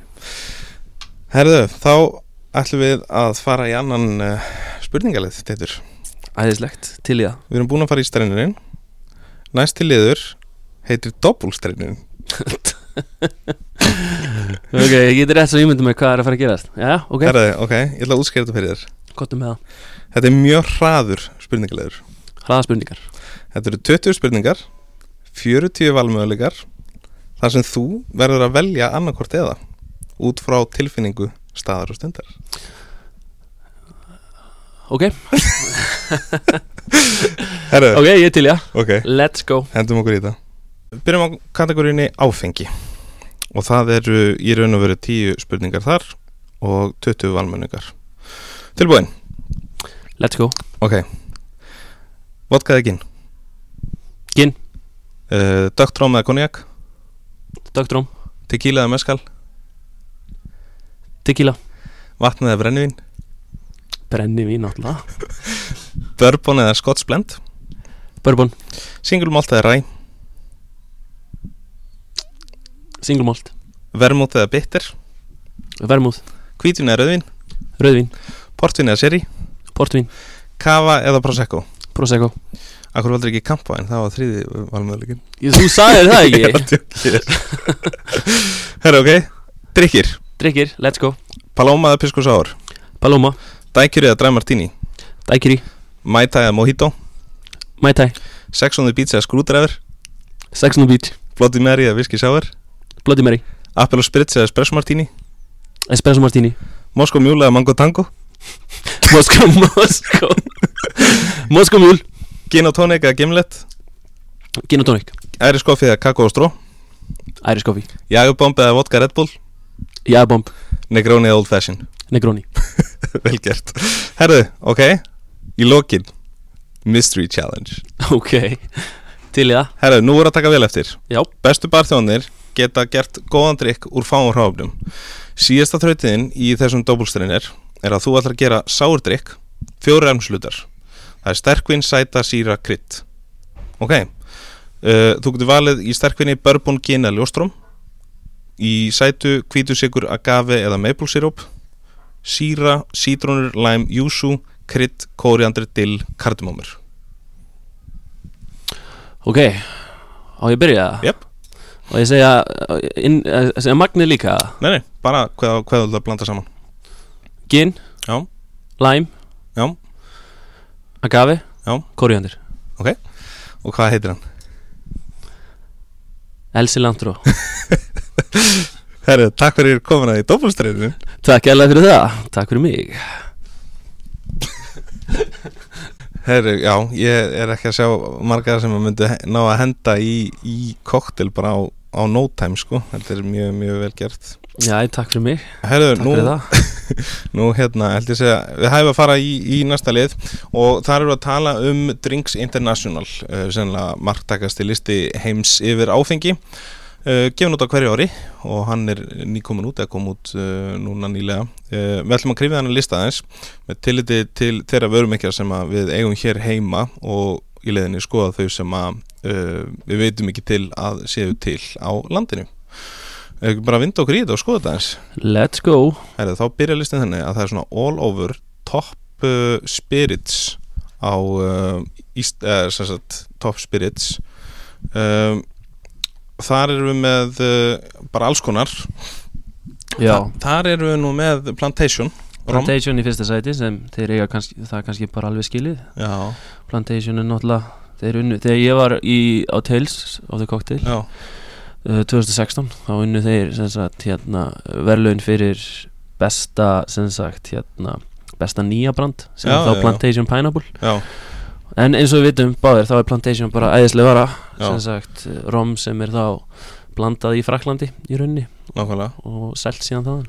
Þannig að ég er bara Þetta er ógeðslega cool fyrirtæki og, og kannski ekkert allir sem vinda en þetta er alveg til hérna heima sko. Já þetta er til hérna heima. Það er svo sannlega til hérna heima. Og hérna síðan koma hérna nokkrar uh, gíntegundir þannig erum við í öðru seti Tanqueray.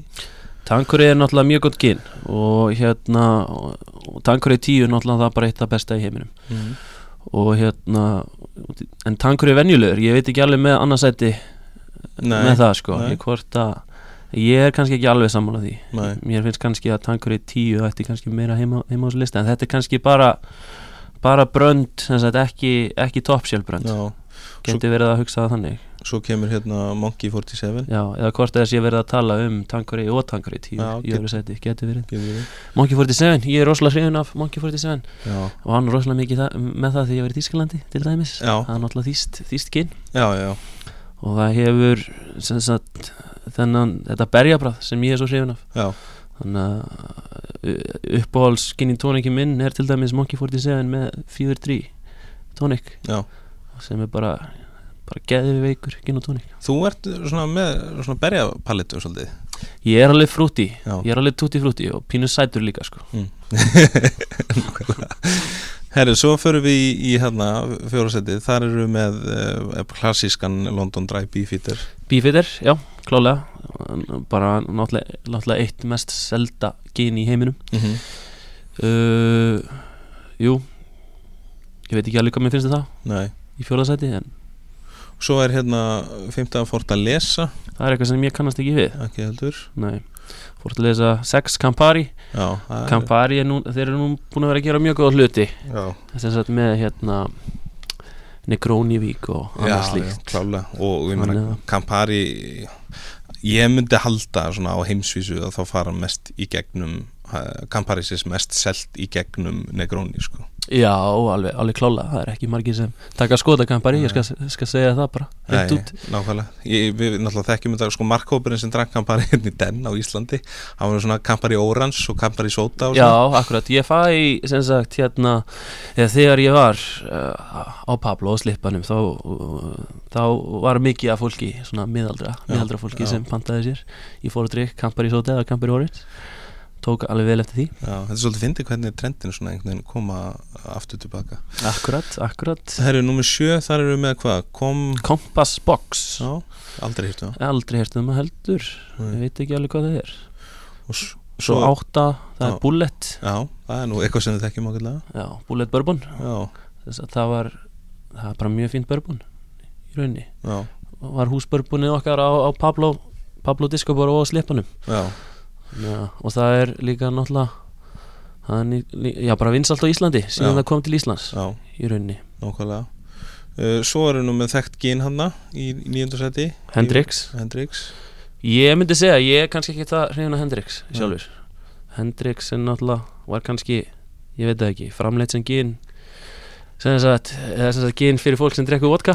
Já, já, en, en, en, en ekkert að því. Ég er bara að fíla, fíla önnu gin meira heldur en Hendrix. Nákvæmlega. Bara persónuleg persónulegri palettu sko. Algjörlega sko. En það var svona skemmtilegt, þetta var kannski svona þeir stigu svolítið út fyrir ramman uh, hjá Hendrix með að að fyrir Hendrix að var kannski svolítið mikið uh, talað um í raun og veru bara hennan London Dry stíl.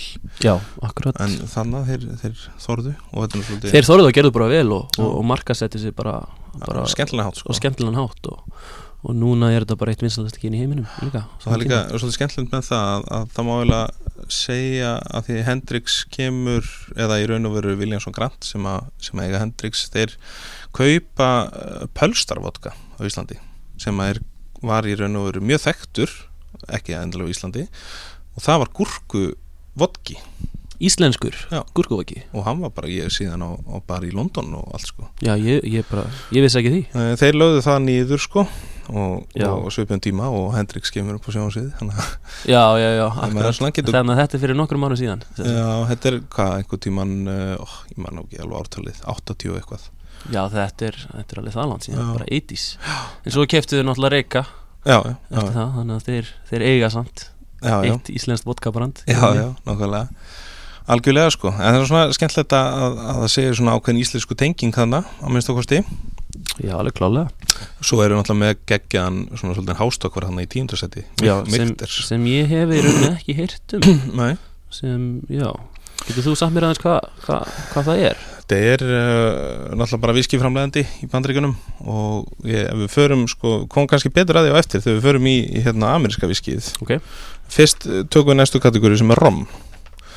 Tökum Já. hann bara topp þrjá í það hérna best seller uh, brand uh, í rommi Fyrsta sæti Bacardi sem kemur ekkert óvart. Það er ekki mér ekkert að varta endar og, og svo sem ekki setna eða annarsætið heldur sko. Nei, sem er Havana Club. Já, og svo þriða sæti er það sem Rómið sem við töluðum á hann, Plantation. Plantation, nákvæmlega. Kemur, Þetta kemur rosalega lítið óvart. Þannig erum við að tala um sko sölunar sko. Sölunar, já. Og svo ef við förum í top trending. Þá er Plantation í fyrsta sæti. í fyrsta sæti sko. Og svo Diplomatico Já. í öðru sæti sem Já. er bara er- Diplomatico er eh, bara svakalega gott rá já, já. Og, og kvóta í, í hérna podcast sem að ja, í Happy Hour þátt sem að er um, sem var með þeim sem að framleiða uh, Diplomatico, það var mjög skemmtileg þáttur. Æðislegt, já. Uh, fyrir þá sem vilja vita meira um það. Og svo top trending þriðasetti, Bacardi. Bacardi, Já. mjög skemmtilegt það. Herru, vindum okkur yfir í uh, genið. Við erum komin í genið. Best selling brands, fyrsta sæti er Tanqueray. Já, það þetta kemur ekki Kemur ekkert óvart heldur. Öðru sæti Beefeaters Já, Það er, kannski kemur ekkert óvart heldur. Og þriða sæti er Hendrix. Já, en, en, en þetta er bara Lítur út eins og á að líta út sko. Algjörlega, sko. Top trending brands, fyrsta sæti Monkey 47 sem ég er rosa ánægð með Já. að sjá það. Já, ég saman því. Út af því að það er bara já, bara mjög gott kyn bara Já. æðislegt kyn. Og, og það er svolítið gaman að sjá í raun og veru að því að sko þetta er svona lítil flaska uh, ég veit ekki, eru apar eru þeir yfir höfu svona rosalega vinsælir bara? Næ, ég veit ekki, ég veit ekki að- ég veit, veit eiginlega ekki hvaðan apinn kemur sko. Nei, en hérna en ég veit sem sagt hráðunin þau koma úr Svarsvald eh, hérna á skóginum í. Þískalandi ok.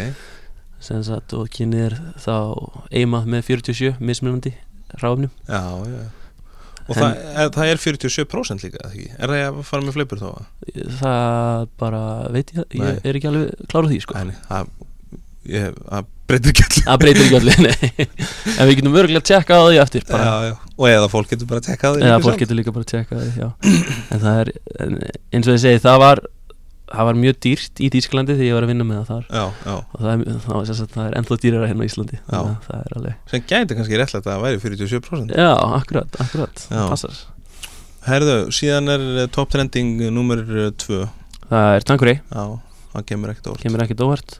En svo í þriða sæti er Four Pillars. Já, þetta finnst mér áhugavert já, mér líka. Þetta hef ég ekki séð á ég hef ekki unni með þetta þetta kynaður Það veit ekki til þess að það sé til hérna nei, nei, ég hef ekki séð það. Og ef einhver er með það, þá má hann endilega bara hafa samband. Akkurat, um að gera.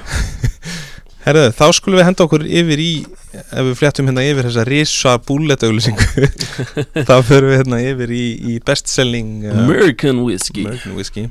Þar eru við með talandum búllet Þeir eru þar efstir. Best selling brands Já. sem sagt í amerísku viski, það er búið í fyrsta sæti. Já, það kemur ekkert óvart, þeir eru búin að vera rosalega dölir á seinustu árum að markasetja sig mm þannig að þetta kemur ekkert óvart og svo í öðru sæti Buffalo Trace já, sem mér finnst vera svaka gott bourbon. já. ég er mjög hrifin af því Veistu til þess að það sé til hérna heima? það var til hérna Mm. Ég veit ekki hvort það sé til ennþá. Ég veit að við vorum með nokkra flöskur á slippanum Mm -hmm. á sínum tíma, ég man ekki hvaðan það kom Mm -hmm. en við vorum samt með flösku þar. Þannig að ég veit ekki hvort að einhver sé að dreifa því Nei. eða ekki. Svolítið áhugavert að, að, að við eigum ekki í raun til eða hvort það sé til við vitum það ekki en allavega við erum nú al, alveg menn sem að fylgjumst vel með þetta sko.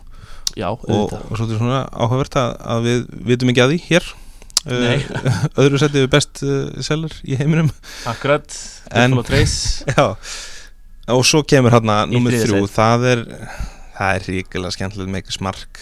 Megas Mark á, undir hatti Tim Beam. Undir hætti Jim Beam en það kemur kannski ekkert, ekkert óvart heldur. Svo Jim Beam hérna í níunda sæti Já. sem kemur mér dálítið óvart því ég myndi halda að Jim Beam væri best seller, best, já, best selling sko. Klálega sko. Já, En greinlega, sko, Makers Mark er búið að, að hérna, sko, ég er nú með þess að bara fara og skoða já þú náttúrulega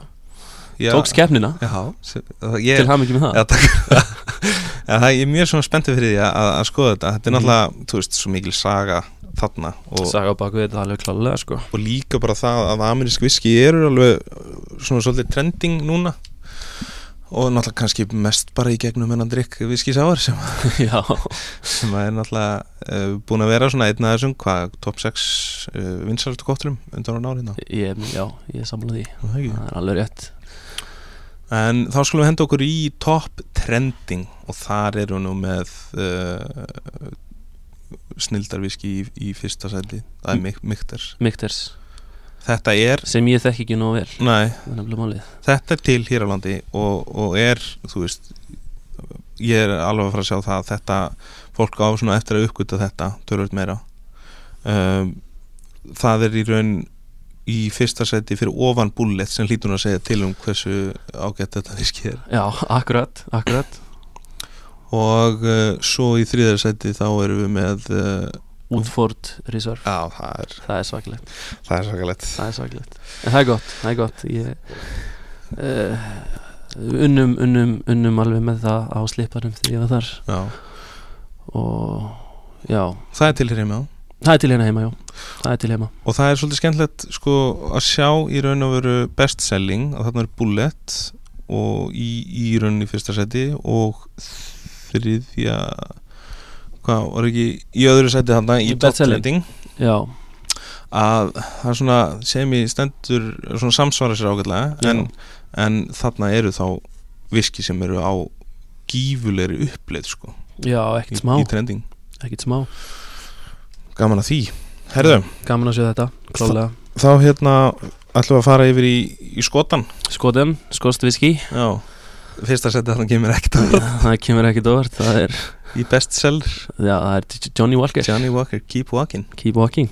Já, um, kemur ekkert óvart náttúrulega allir barir í heiminum eru örgla með einhverja flösku að Johnny Walker. Nákvæmlega Nákvæmlega, og þar eru við náttúrulega í Scots Blend. Það er greinlega verið að, að svona samin að þessa kategóri bæði Scots Blend og, Og- single og malt single malt, þannig að það er saman hérna á listanum. Já, öðru sæti er þá Lafroig. Já, sem er æle viski sem er sem sagt, og náttúrulega single malt og single malt líka á sama tíma. En það, sem, en það, það er æle því að það sé það er alveg, það er karakter í. Já, algjörlega. Það er alveg, það er smoky Já, ef þú hefur einhvern tíma farið og, og setið við varðeld á, á sömri til þá, þá ættir að og ættum maður að þekki það. tengja það um leið þú færðir uh, já, í raun bara um leið þú opnar flöskuna af, af Lafroig sko. Já, akkurat, og svo þriðasendi Macallan það kemur ekkert óvart hann náttúrulega rísa stórt Já, og líka mikra viski heldur en já, Highland, Highland viski. Það er kannski aðgengilegra heldur en nákvæmlega. Það kemur á bræði og það er nú samsvara sér svolítið varandi top trending því að það er Já. einmitt í fyrsta seti fyrsta það er í Macallan. top trending. Sem er sem kemur ekkert óvart og svo er í, í öðru sæti í top trending er Ardberg Já, sem er líka viski sem enginnist að svaka karakter. Já. Ég þekki það ekki geðvikt nei, það er það er líkt Lafroig á vissanhátt Já, ef við myndum, myndum hugsa þannig. En svo í þriða sæti í top trending þá er Johnny Walker. Já, já, hann, hann heldur bara fram að labba. Já, hann heldur bara áfram að labba. Það er bara þannig. Herðu, ok. Þá við alltaf að fara til Írlands Írst viski, Já. það er ekki, kannski ekki búin að vera nóga mikið írsku viski hérna hér á landi. Nei, og í raun kannski svona var nú gaman að sjá kannski þú veist, út frá þessari viski sáir pælingu að, að hérna viski sáir getur alveg uh, borið annað en amirist viski sko. Það hann getur það alveg klálega sko. Svona ef við hugsum, ef við finnum honum einhvern farveg í koktelum sko eða þess að þessu vínið þá er alveg hægt að skoða írst viski í því samengi Alveg klálega uh, Já, ég held að það kom engum á orð hvað best selling æris viski er. Það er bara Við drekkum já Við drekkum já Það er, er Jameson. Já, það er Jameson. Jameson. En það er náttúrulega bara Kemur, já eins og þú sagði, kemur einhverjum á orð Nei, og Það var bara heima þannig á tónum er klálega sko. Og það er hérna gaman að, segja frá því að þeir sem að fara til Dublin að fara og kíkja ég fór í, síðast sumar að skoða, eh, þeir eru með rosalflott visitingsendur í, í hérna uh, hjá Demison og hrikalega gaman að fara þangað í, í smakk. Mælum með því að fólk tjekka á því uh, í Dublin.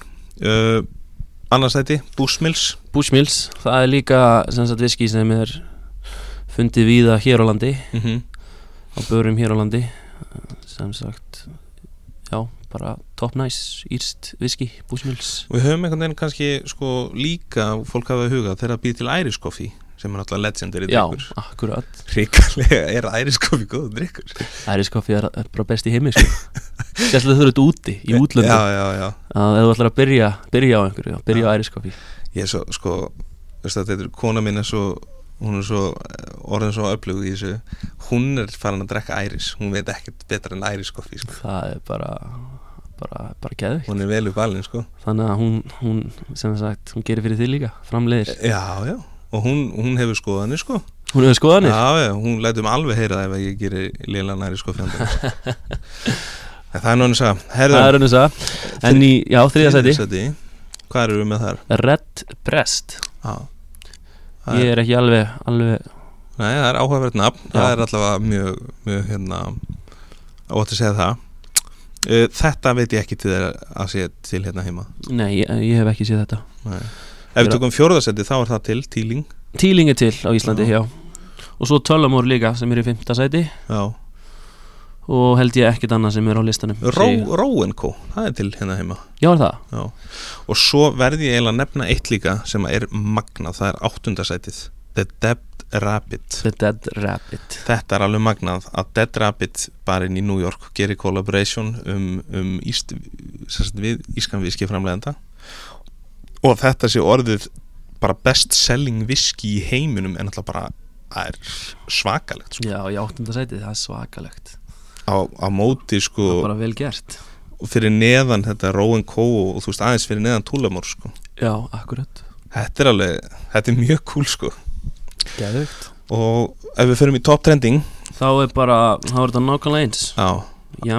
Jameson, Já. fyrsta Bushmills í öðru og Redbreast í þriða hann sko sko ef að keep walking er, er, er slóganum fyrir, fyrir uh, Johnny Walker þá er þetta í raun bara keep sitting down hjá Jameson því að hann situr bara í, í eftir satni Ég held að það mun ekkert breytast á næstu árum heldur. Nei, nákvæmlega Ég held að það haldist bara þannig.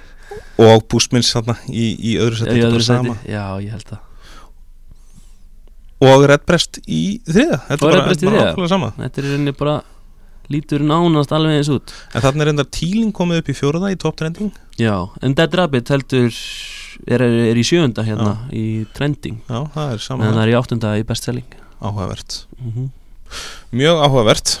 Herru, þá skulum við halda fram hvað erum við að fara í næst hérna það er uh, World Whisky þetta er nú svolítið Whiskies. áhugavert kategóri sem sagt þá viski frá öðru landi heldur en Já. uh, Ameríku og hérna eða Bandaríkjunum og Skotlandi já, þannig að þetta er, þetta er áhugavert já, en í bestselling eh, hérna í fyrsta sæti eru við með Nikka Já. japanst viski sem er já sem, sem kemur kannski ekkit óvart þannig. Nei, og sér það þeir eru líka í top trending þannig að þeir eru bara á sama stað sko. Þeir eru bara á sama stað. Já, en enda er hægt að finna sem sagt Nikka viski víða á börum á Íslandi. Já nákvæmlega. Og kannski þeir sem hafa náð kannski mestu fótfestu hérna heima í, í þessu japanska viski allavega. Já, en það sýnir bara hérna bestselling í heiminum, það er Já. líka. Nákvæmlega mega sens svo er hérna Suntory. Suntory, ég held að það sé ég hef ekki séð það hérna það er líka það er satt, í öðru seti á báðum listum Já,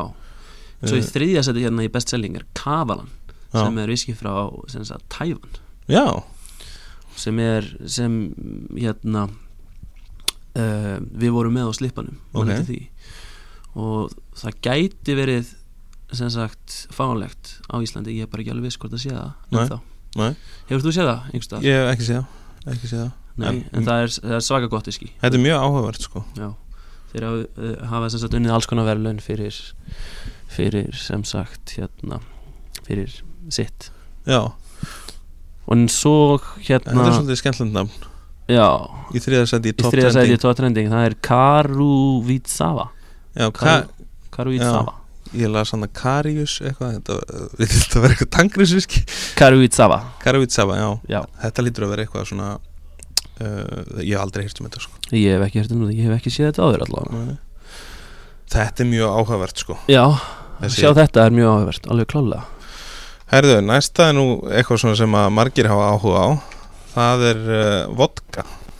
Davai vodku. Já, já, uh, best selling. Já, það er kemur kannski ekkit óvart en við, við höfum séð á fyrir blasjum að það er það að hérna Diageo vörur eru doldið frekar yfirvóðandi þannig í fyrstu sætunum. Já, það er mjög vel markasetta líka. Já, akkurat.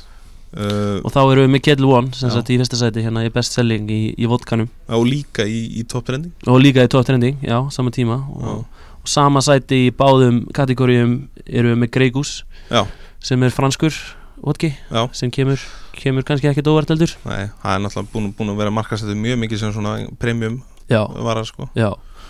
Svo er í best selling að vera sænskur vodki Já. sem heitir Absolut í þriða seti Já, það er nú eitthvað sem að margir að margir þekka hérna, hérlendis. Já, alveg klálega.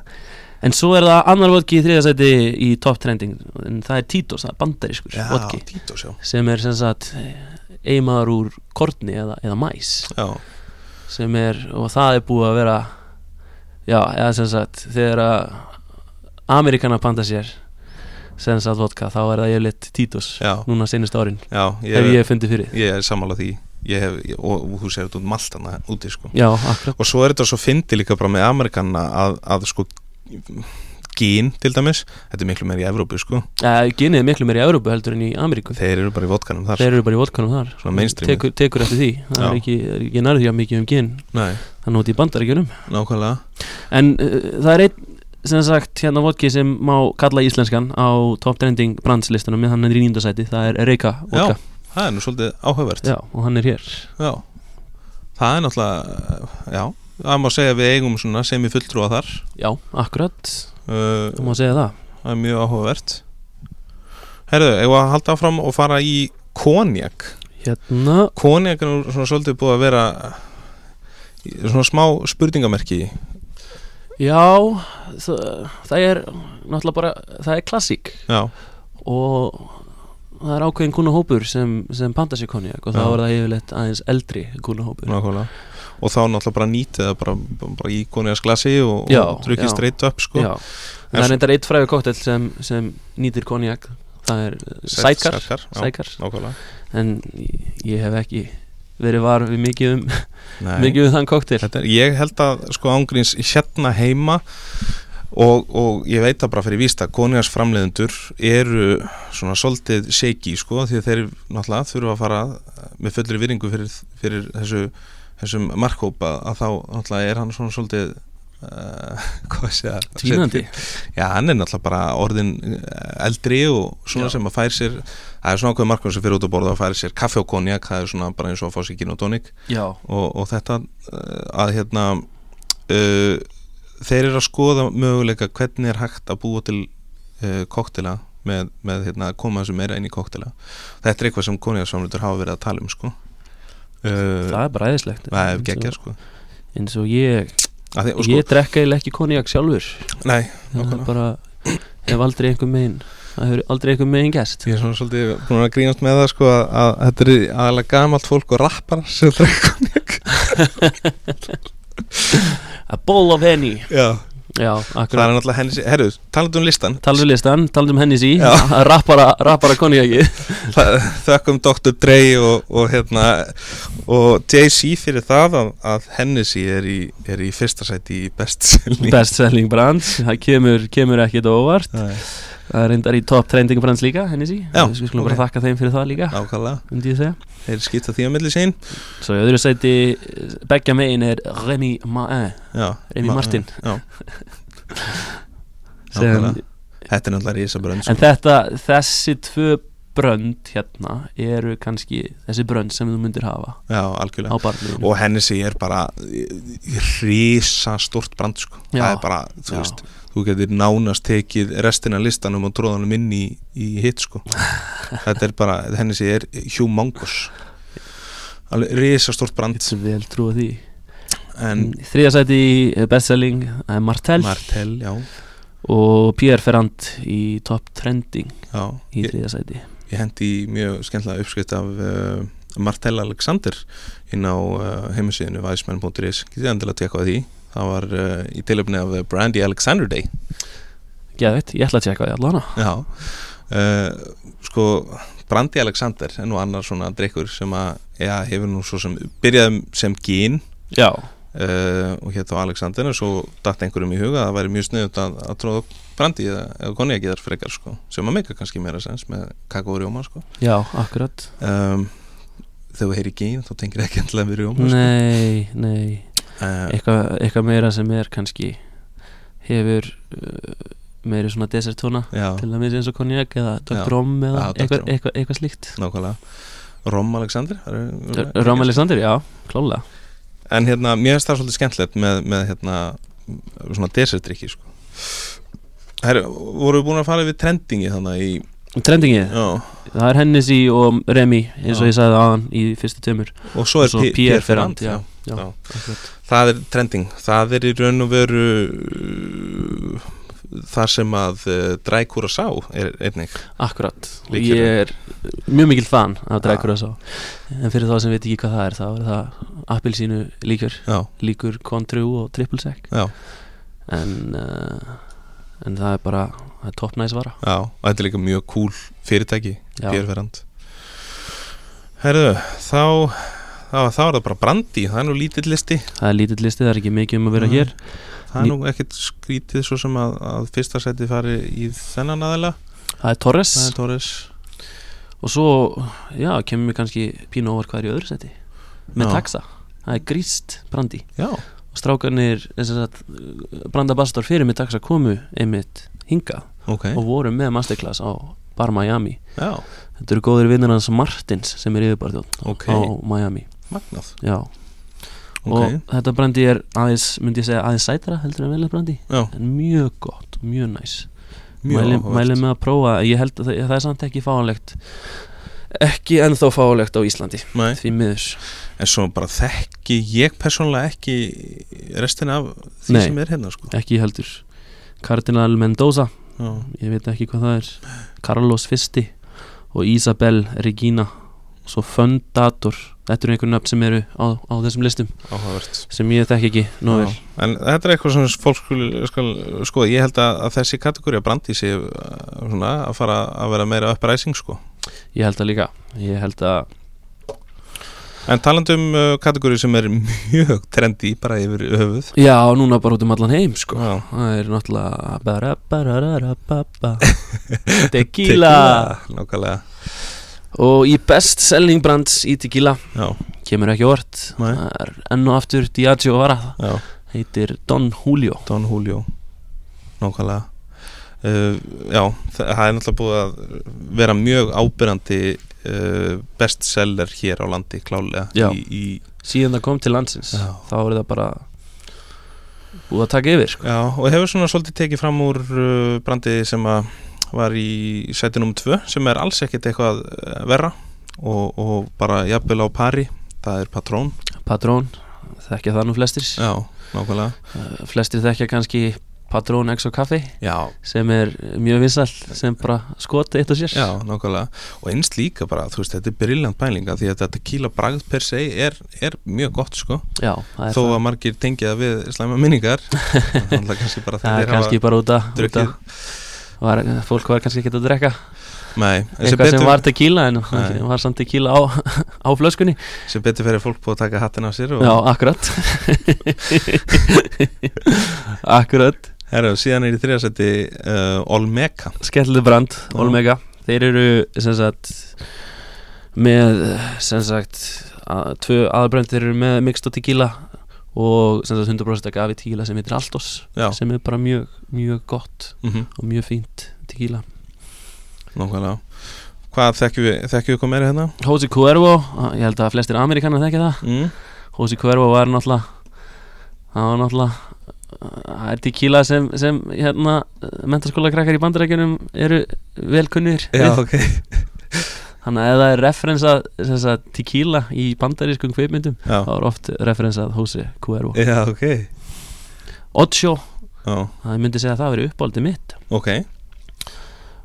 Sem sagt hérna notuðum það sem hús tequila á slippanum á sínum tíma. Ok, sem var alveg freka dýrt en, en, en sem sagt gæðin voru. Ég myndi, það, ég myndi segja að Ocho sé þegar þú ert að- að leita að gæðum þá, þá erum við að tala um Ocho sé bara það besta en Ok. það er náttúrulega kannski smekksatrið líka er þetta eins og Jose og, og Ocho eru það brönd sem eru til hérna heima?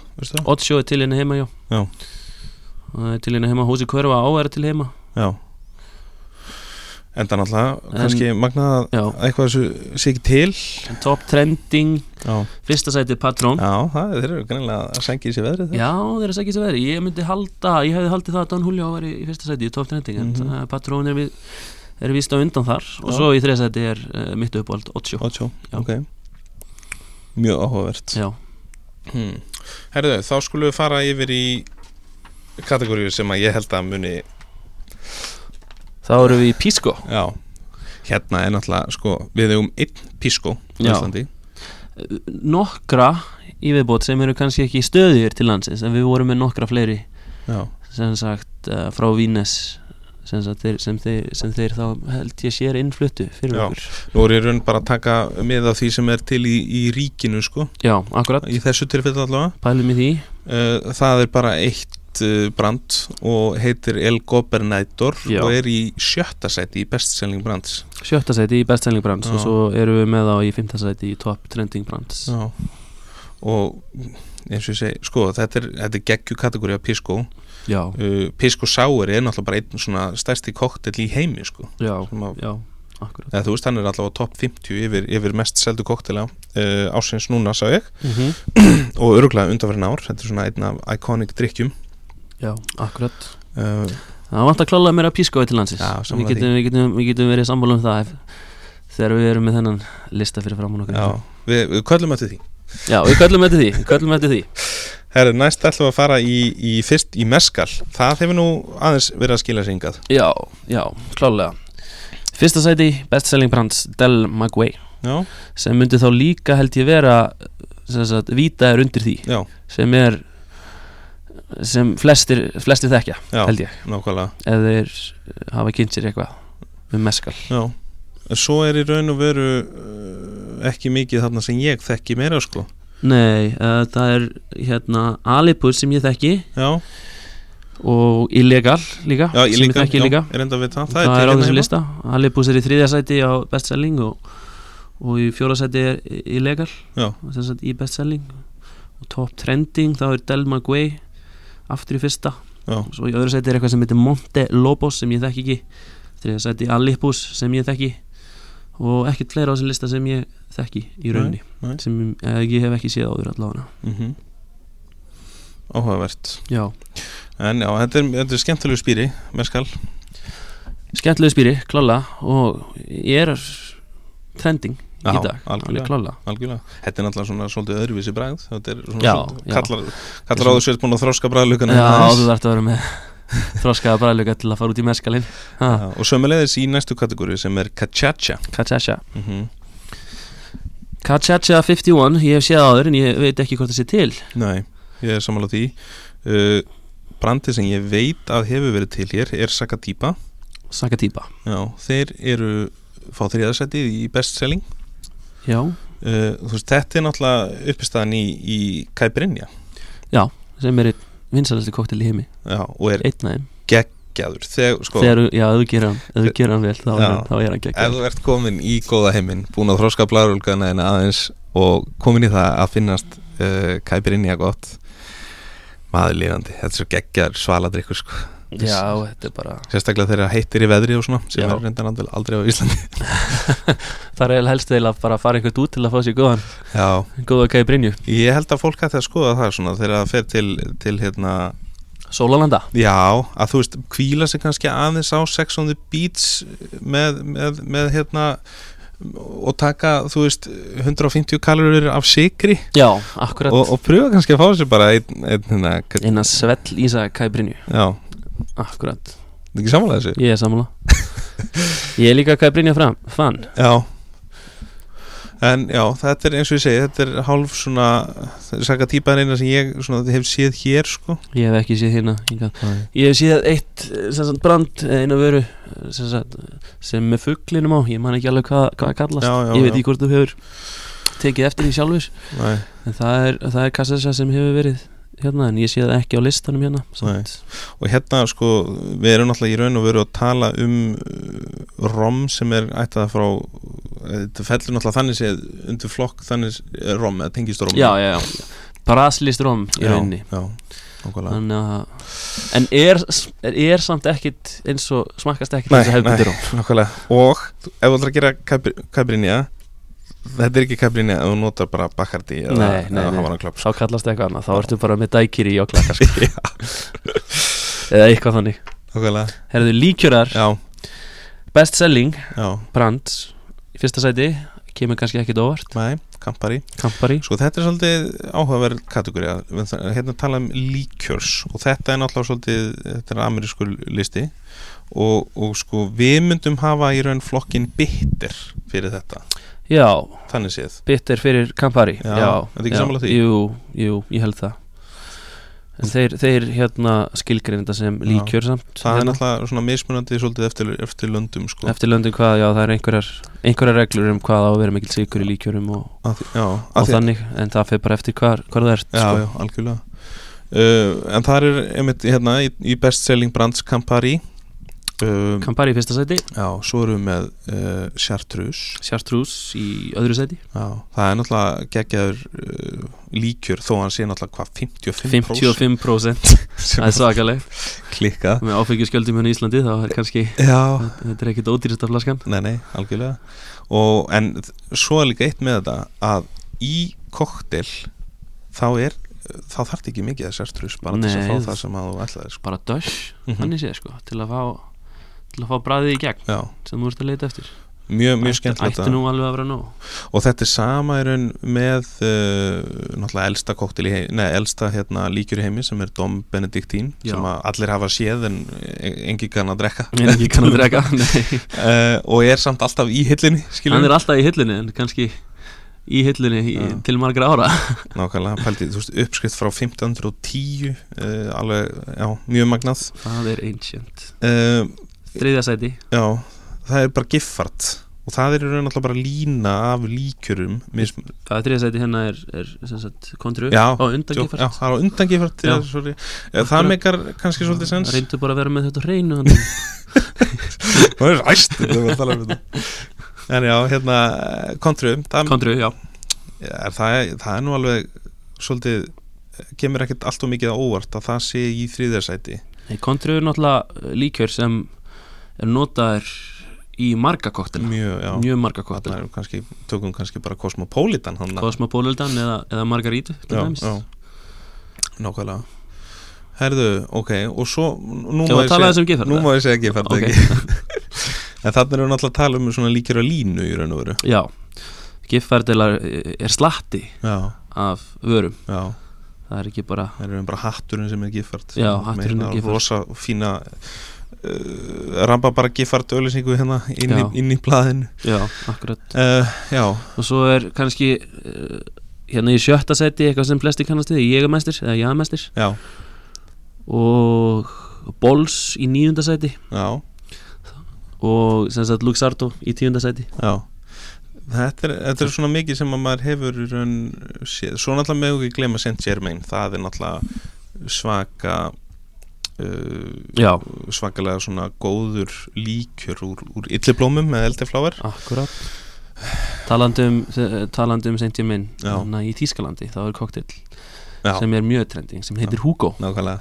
Sem er þá Saint Germain og Mynta og Prosecco og svona Mhm, mm -hmm. fólk gjöleitt þar það pantaði sér annarkvært Apple Spritz, Moska Mule eða Hugo. Það voru bara þessi þrýr koktelar þegar ég var þar en já, samla því og, og ef við pælum aðeins í að því við erum í, í svona líkjurum að hérna uh, og talandu um það Aperol er ekki hérna inn á neinum lista. Aperol er ekki innan með neinu listi en það er spurning hvort að þeir setja Aperol undir Campari. Já, ég hugsa það, Já, það geti vel verið. Ég hugsa að ég geri það það meikar alveg sen- sens að þessu. Er það ekki? Jú, það hlýtur upp bara að vera, en það meikar ekkert sens að hann sé ekki hérna. Nei, akkurat, það meikir ekkert sens uh, en, en svona þessi pæling með sko sprit, sko Hugo er í raun í þessari sprits kategóriu Já, já, klálega og, og, hérna, og það er svo miklu meira hægt að gera í þessari kategóriu finnst mér sko. Já, í spritskategóri Já. já, alveg klálega Fólk panta sér náttúrulega mestmægnis Aperol Spritz eins og, eins og við já, þekkjum. já, já, en það er hægt að tvista það alveg og, og búa til marga sniða hluti. Já og þetta er svolítið í takt við svona það sem að trendin sem er, þetta no and low trend sem er. Að, að hérna er raun minka áfengismagnið í drikkjunum og drekka ekki til að gleyma heldur til að njóta. Akkurat. um, sko. Akkurat, En hérna, í raun og veru bara að skipta út uh, líkjurum, prófa mismöndi líkjura í, í freðvin já, og þá mismöndi freðvin. Þetta er í raun endless möguleikar sko. já, klálega. Ég mæli með að hérna, landsbúar prófi til dæmis líkjöruna snorra frá Reykjavíktisleiri Já, það er nú í, til í, dæmis. í, í freyðivinn Já, þá ertu bara að koma með dundur vöru. Nákvæmlega, þetta er nú eitthvað sem hún, hún hérna, uh, víndrottningin Dominík talaði um. Já, þegar hún kom í, í hérna í uh, vínkarafluna í Hour æðislegt. Herðu, þá fyrir við í uh, Cocktail Bitters. Þá erum við að tala um svona dropa bittera Drópa bitira, salt og pipar fyrir kottilinn. Já. Það náttúrulega bara er no-brainer hverju þar í fyrsta seti Það er eitthvað sem flestir hafa þekkt með gulutappa Þú var að segja það saman. Já, eitt fyrir og Angustúra Kemur ekkert óvart. Nei, þetta er náttúrulega bara brand sem að Sem er bara til alls þar í, Þetta er svolítið bara eins og eiga salt og pipar sko. Já, já, já, akkurat. Þetta er ekki samlega því Þú veist, ég á, ég á, ég á, ég á, ég á þetta heima hjá mér sko. Já, ég líka. Bara, Það er bara eitthvað sem ég finnst að ég eiga, Já, eiga heima hjá mér. Sko þetta, svo fólk svona átti svo á því að þá cocktail bitters er í raun og veru bara eins og uh, salt og pipar í matagerð Já, klálega. Þú ert í raun svolítið að binda brögðin með, með þetta er náttúrulega ástæðan fyrir þetta heitir bitters er náttúrulega því að það er ákveðin beisku element og beiski er náttúrulega einn af já, okkar fimm mismöndu brögðum Akkurat. sem við finnum. Þannig að saman myndir þetta mjög góða heild. Nú uh, annarsæti það er nú eldgamall uh, bitter, Pishouts Písjót bitir Pishout, já, Og það var hann Amadeus já, sem var sem sagt hérna, fun fact. Hérna Amadeus Písjó var að, sem sagt uh, maðurinn sem bjó framlítið þessa bitira. Mm. uh, sem sagt upprunalega í New Orleans fyrir mörgum mörgum mörgum mánu síðan. Já, ok. Og svo kom Bitter Truth með sína eigin Písjó bitira en þeir mátti ekki þeir með greinlega ekki kalla á Písjó bitira Mhm. og kalla á Kreól bitira. Og út, en það er út af því að sagt, herra Amadeus Písjó hann var Kreól basically sem er, sem er svona já hvað segir maður? Sem er, já, ættflokkur. Já, já, ok. Það má orða það þannig. Já, já. Og talandi um Bitter Truth þeir eru í, í öðru seti í, í top trending. Já, og og í, Angustúra sjálfsögn alltaf í fyrsta seti þar líka. Já, og í þriða sæti í bestselling líka. já, sem Eh, er geðið það er mjög cool. Uh, þetta er náttúrulega eitthvað sem að sem að fólk hætti hygglust að skoða. Mhm. uh, og, og ekki taka sem sjálfsögum hlut uh, að búa til koktela án þess að uh, nota bitira eða þú veist eða allan að prófa að nota bitira hygglust það er bara, bara no brainers mm -hmm. Herðu, næst er það uh, við erum að fara mjög nú ætlum við að stökkva hérna og við ætlum að fara yfir í tónik við ætlum að eiga inni hérna hérna, förum í tónik núna en þess að nú er náttúrulega hjúkes gin og tónik uh, æði alltaf. kynotónikaði, hérna allan í í Evrópu Já, þannig að við sjáum hér að hér í fyrsta sæti í bestselling er tónik sem flestir þekkja það heitir Fever Tree. Já. Uh, Reykala skemmtileg uh, lína af, af mismunandi bragð bættum tónik uh, tónikum, tó, tónikum já, sem, að, sem að er að finna undir þeim hatti, já, þeir eru líka í fyrsta sæti í, í top trending brands. Já, og ef við förum í best selling annarsæti það er nú eitthvað svona sem að Íslandika þekkja nú mjög vel. flestir þekkja og, og, en það, það er Sveps. Já, ríkistóningið hér til margar ára. Akkurat, nákvæmlega. Það passar. Já, og, og eflaust bara fínasta tónik uh, í, í heimatætið, Já, í raunni já. Myndi ég segja. En svona ef menn ætla að fara í, í það sem er topp trendinga þá kannski er allt í lagi að skoða annað því að það er fullt af öðrum möguleikum á, á markanum í Já. dag. Akkurat, Þriðasettið í, í bestselling þar erum við með uh, Fentimans. Sentimans sem er tónik sem við notum sem er hústónik hjá Slipanum Já, já. sem er bara mjög hágæða tónik. Ef maður nákvæmlega. ef maður orða þannig. Já. Og svo ef við förum yfir í top trending brands þá erum við með eins og við sögðum uh, Fever Tree í fyrsta. Fever 3 fyrsta, alveg eins og í best selling Þannig er Fentimans komið upp í annað. Annað sæti í top trending. Svo erum við með brand sem heitir London Essence. London Essence, Já. akkurat. Sem var nú hér um tíma. Já, en ekki lengur. Ekki lengur. Uh, mér skilst að uh, það í raun svona á eftir að koma svolítið betri mynd á þennan markað og, og, og fólk svona á eftir að opna augun aðeins meira fyrir uh, fleiri mismunandi tónik framleiðendum. Þannig að vonandi hygglust sjáum við London Essence hér aftur. Já já. það væri náttúrulega það væri náttúrulega bara amazing. Já, þetta er náttúrulega hrikalega ríkalega flott var já, hlýrikalega flott vara og þeir komu, komu hinga og voru með mm -hmm. opnunapartí og, já, já, og, og svona masterclass líka. Já, já. ég manni til því ég var þar þannig að þetta var en það er leitt að þetta hafi ekki, hafi ekki gengið í þetta skipti. Já nákvæmlega. En vonandi einhvern tíman vonandi einhver tíma Nákvæmlega. Herðu, Teitur, við ætlum að fara að segja þessu skilið og uh, áður en við gerum það, kannski bendum á fólki að, að já, skoðanlega lista inn á Google, bara googla uh, Drinks International. Já, klálega uh, 2020 uh, þetta er hrikalega gaman að rýna yfir þetta. Já, ekkert smá. Og hérna, þetta er í fyrsta skipti sem ég er að kíkja á þetta Já. já, ég leiti eitthvað fljótt yfir þetta en ég kom en þetta er uh, kannski fyrsta skipti sem ég er að fara svona al, almennilega yfir þetta. Nákvæmlega. En, en það, það er gaman að þessu, mjög gaman að þessu. Algjörlega sko. Uh, að lókum, sko, Barþjónuklúpur Íslands uh, þar sem við sitjum báður í stjórn náttúrulega blussandi siglingu þessa dagana. Blúsandi sendingu, uh, klálega. Það eru spennandi tím- tímar framöndan hjá okkur þar, ég samla því. Ég er að því og hérna það verður gaman að fylgjast með því við, við hérna uh, erum náttúrulega að horfa fram á Reykjavík Weekend. Reykjavík Kóktu Víkend, já, uh, meðal annars en svo náttúrulega bara kemur Marta Næljós það kemur margt á næljós en það er margt spennandi að leiðinni. Það ekki? Herðu, Teitur uh, þetta er búið að vera hrikalega gaman að spjalla við þig. Bara heiðurinn er, heiðurinn er allur, allur, allur hérna megin sko. Já, já, gaman að heyra Hérna, við ætlum bara að segja svo lokið Teitur minn. Uh, Teitur Ridman Sjött, takk kærlega fyrir komuna í Happy Hour. Takk fyrir mig. Þar hafið það kæru hlustendur. Reykjala gaman að uh, tala við hann Teit. Og uh, hvet ykkur heiklust til að kíkja á hann á Instagram eða Facebook Teitur Tótt á gramminu og væsmenn minnir á umfjöllun úr uh, þessum uh, þætti má uh, lesa inn á væsmenn.is þar er einnig hægt að uh, lesa meira um aðra þætti í Happy Hour sem alltaf nýjast á helsta um vegar í fljótandi formi.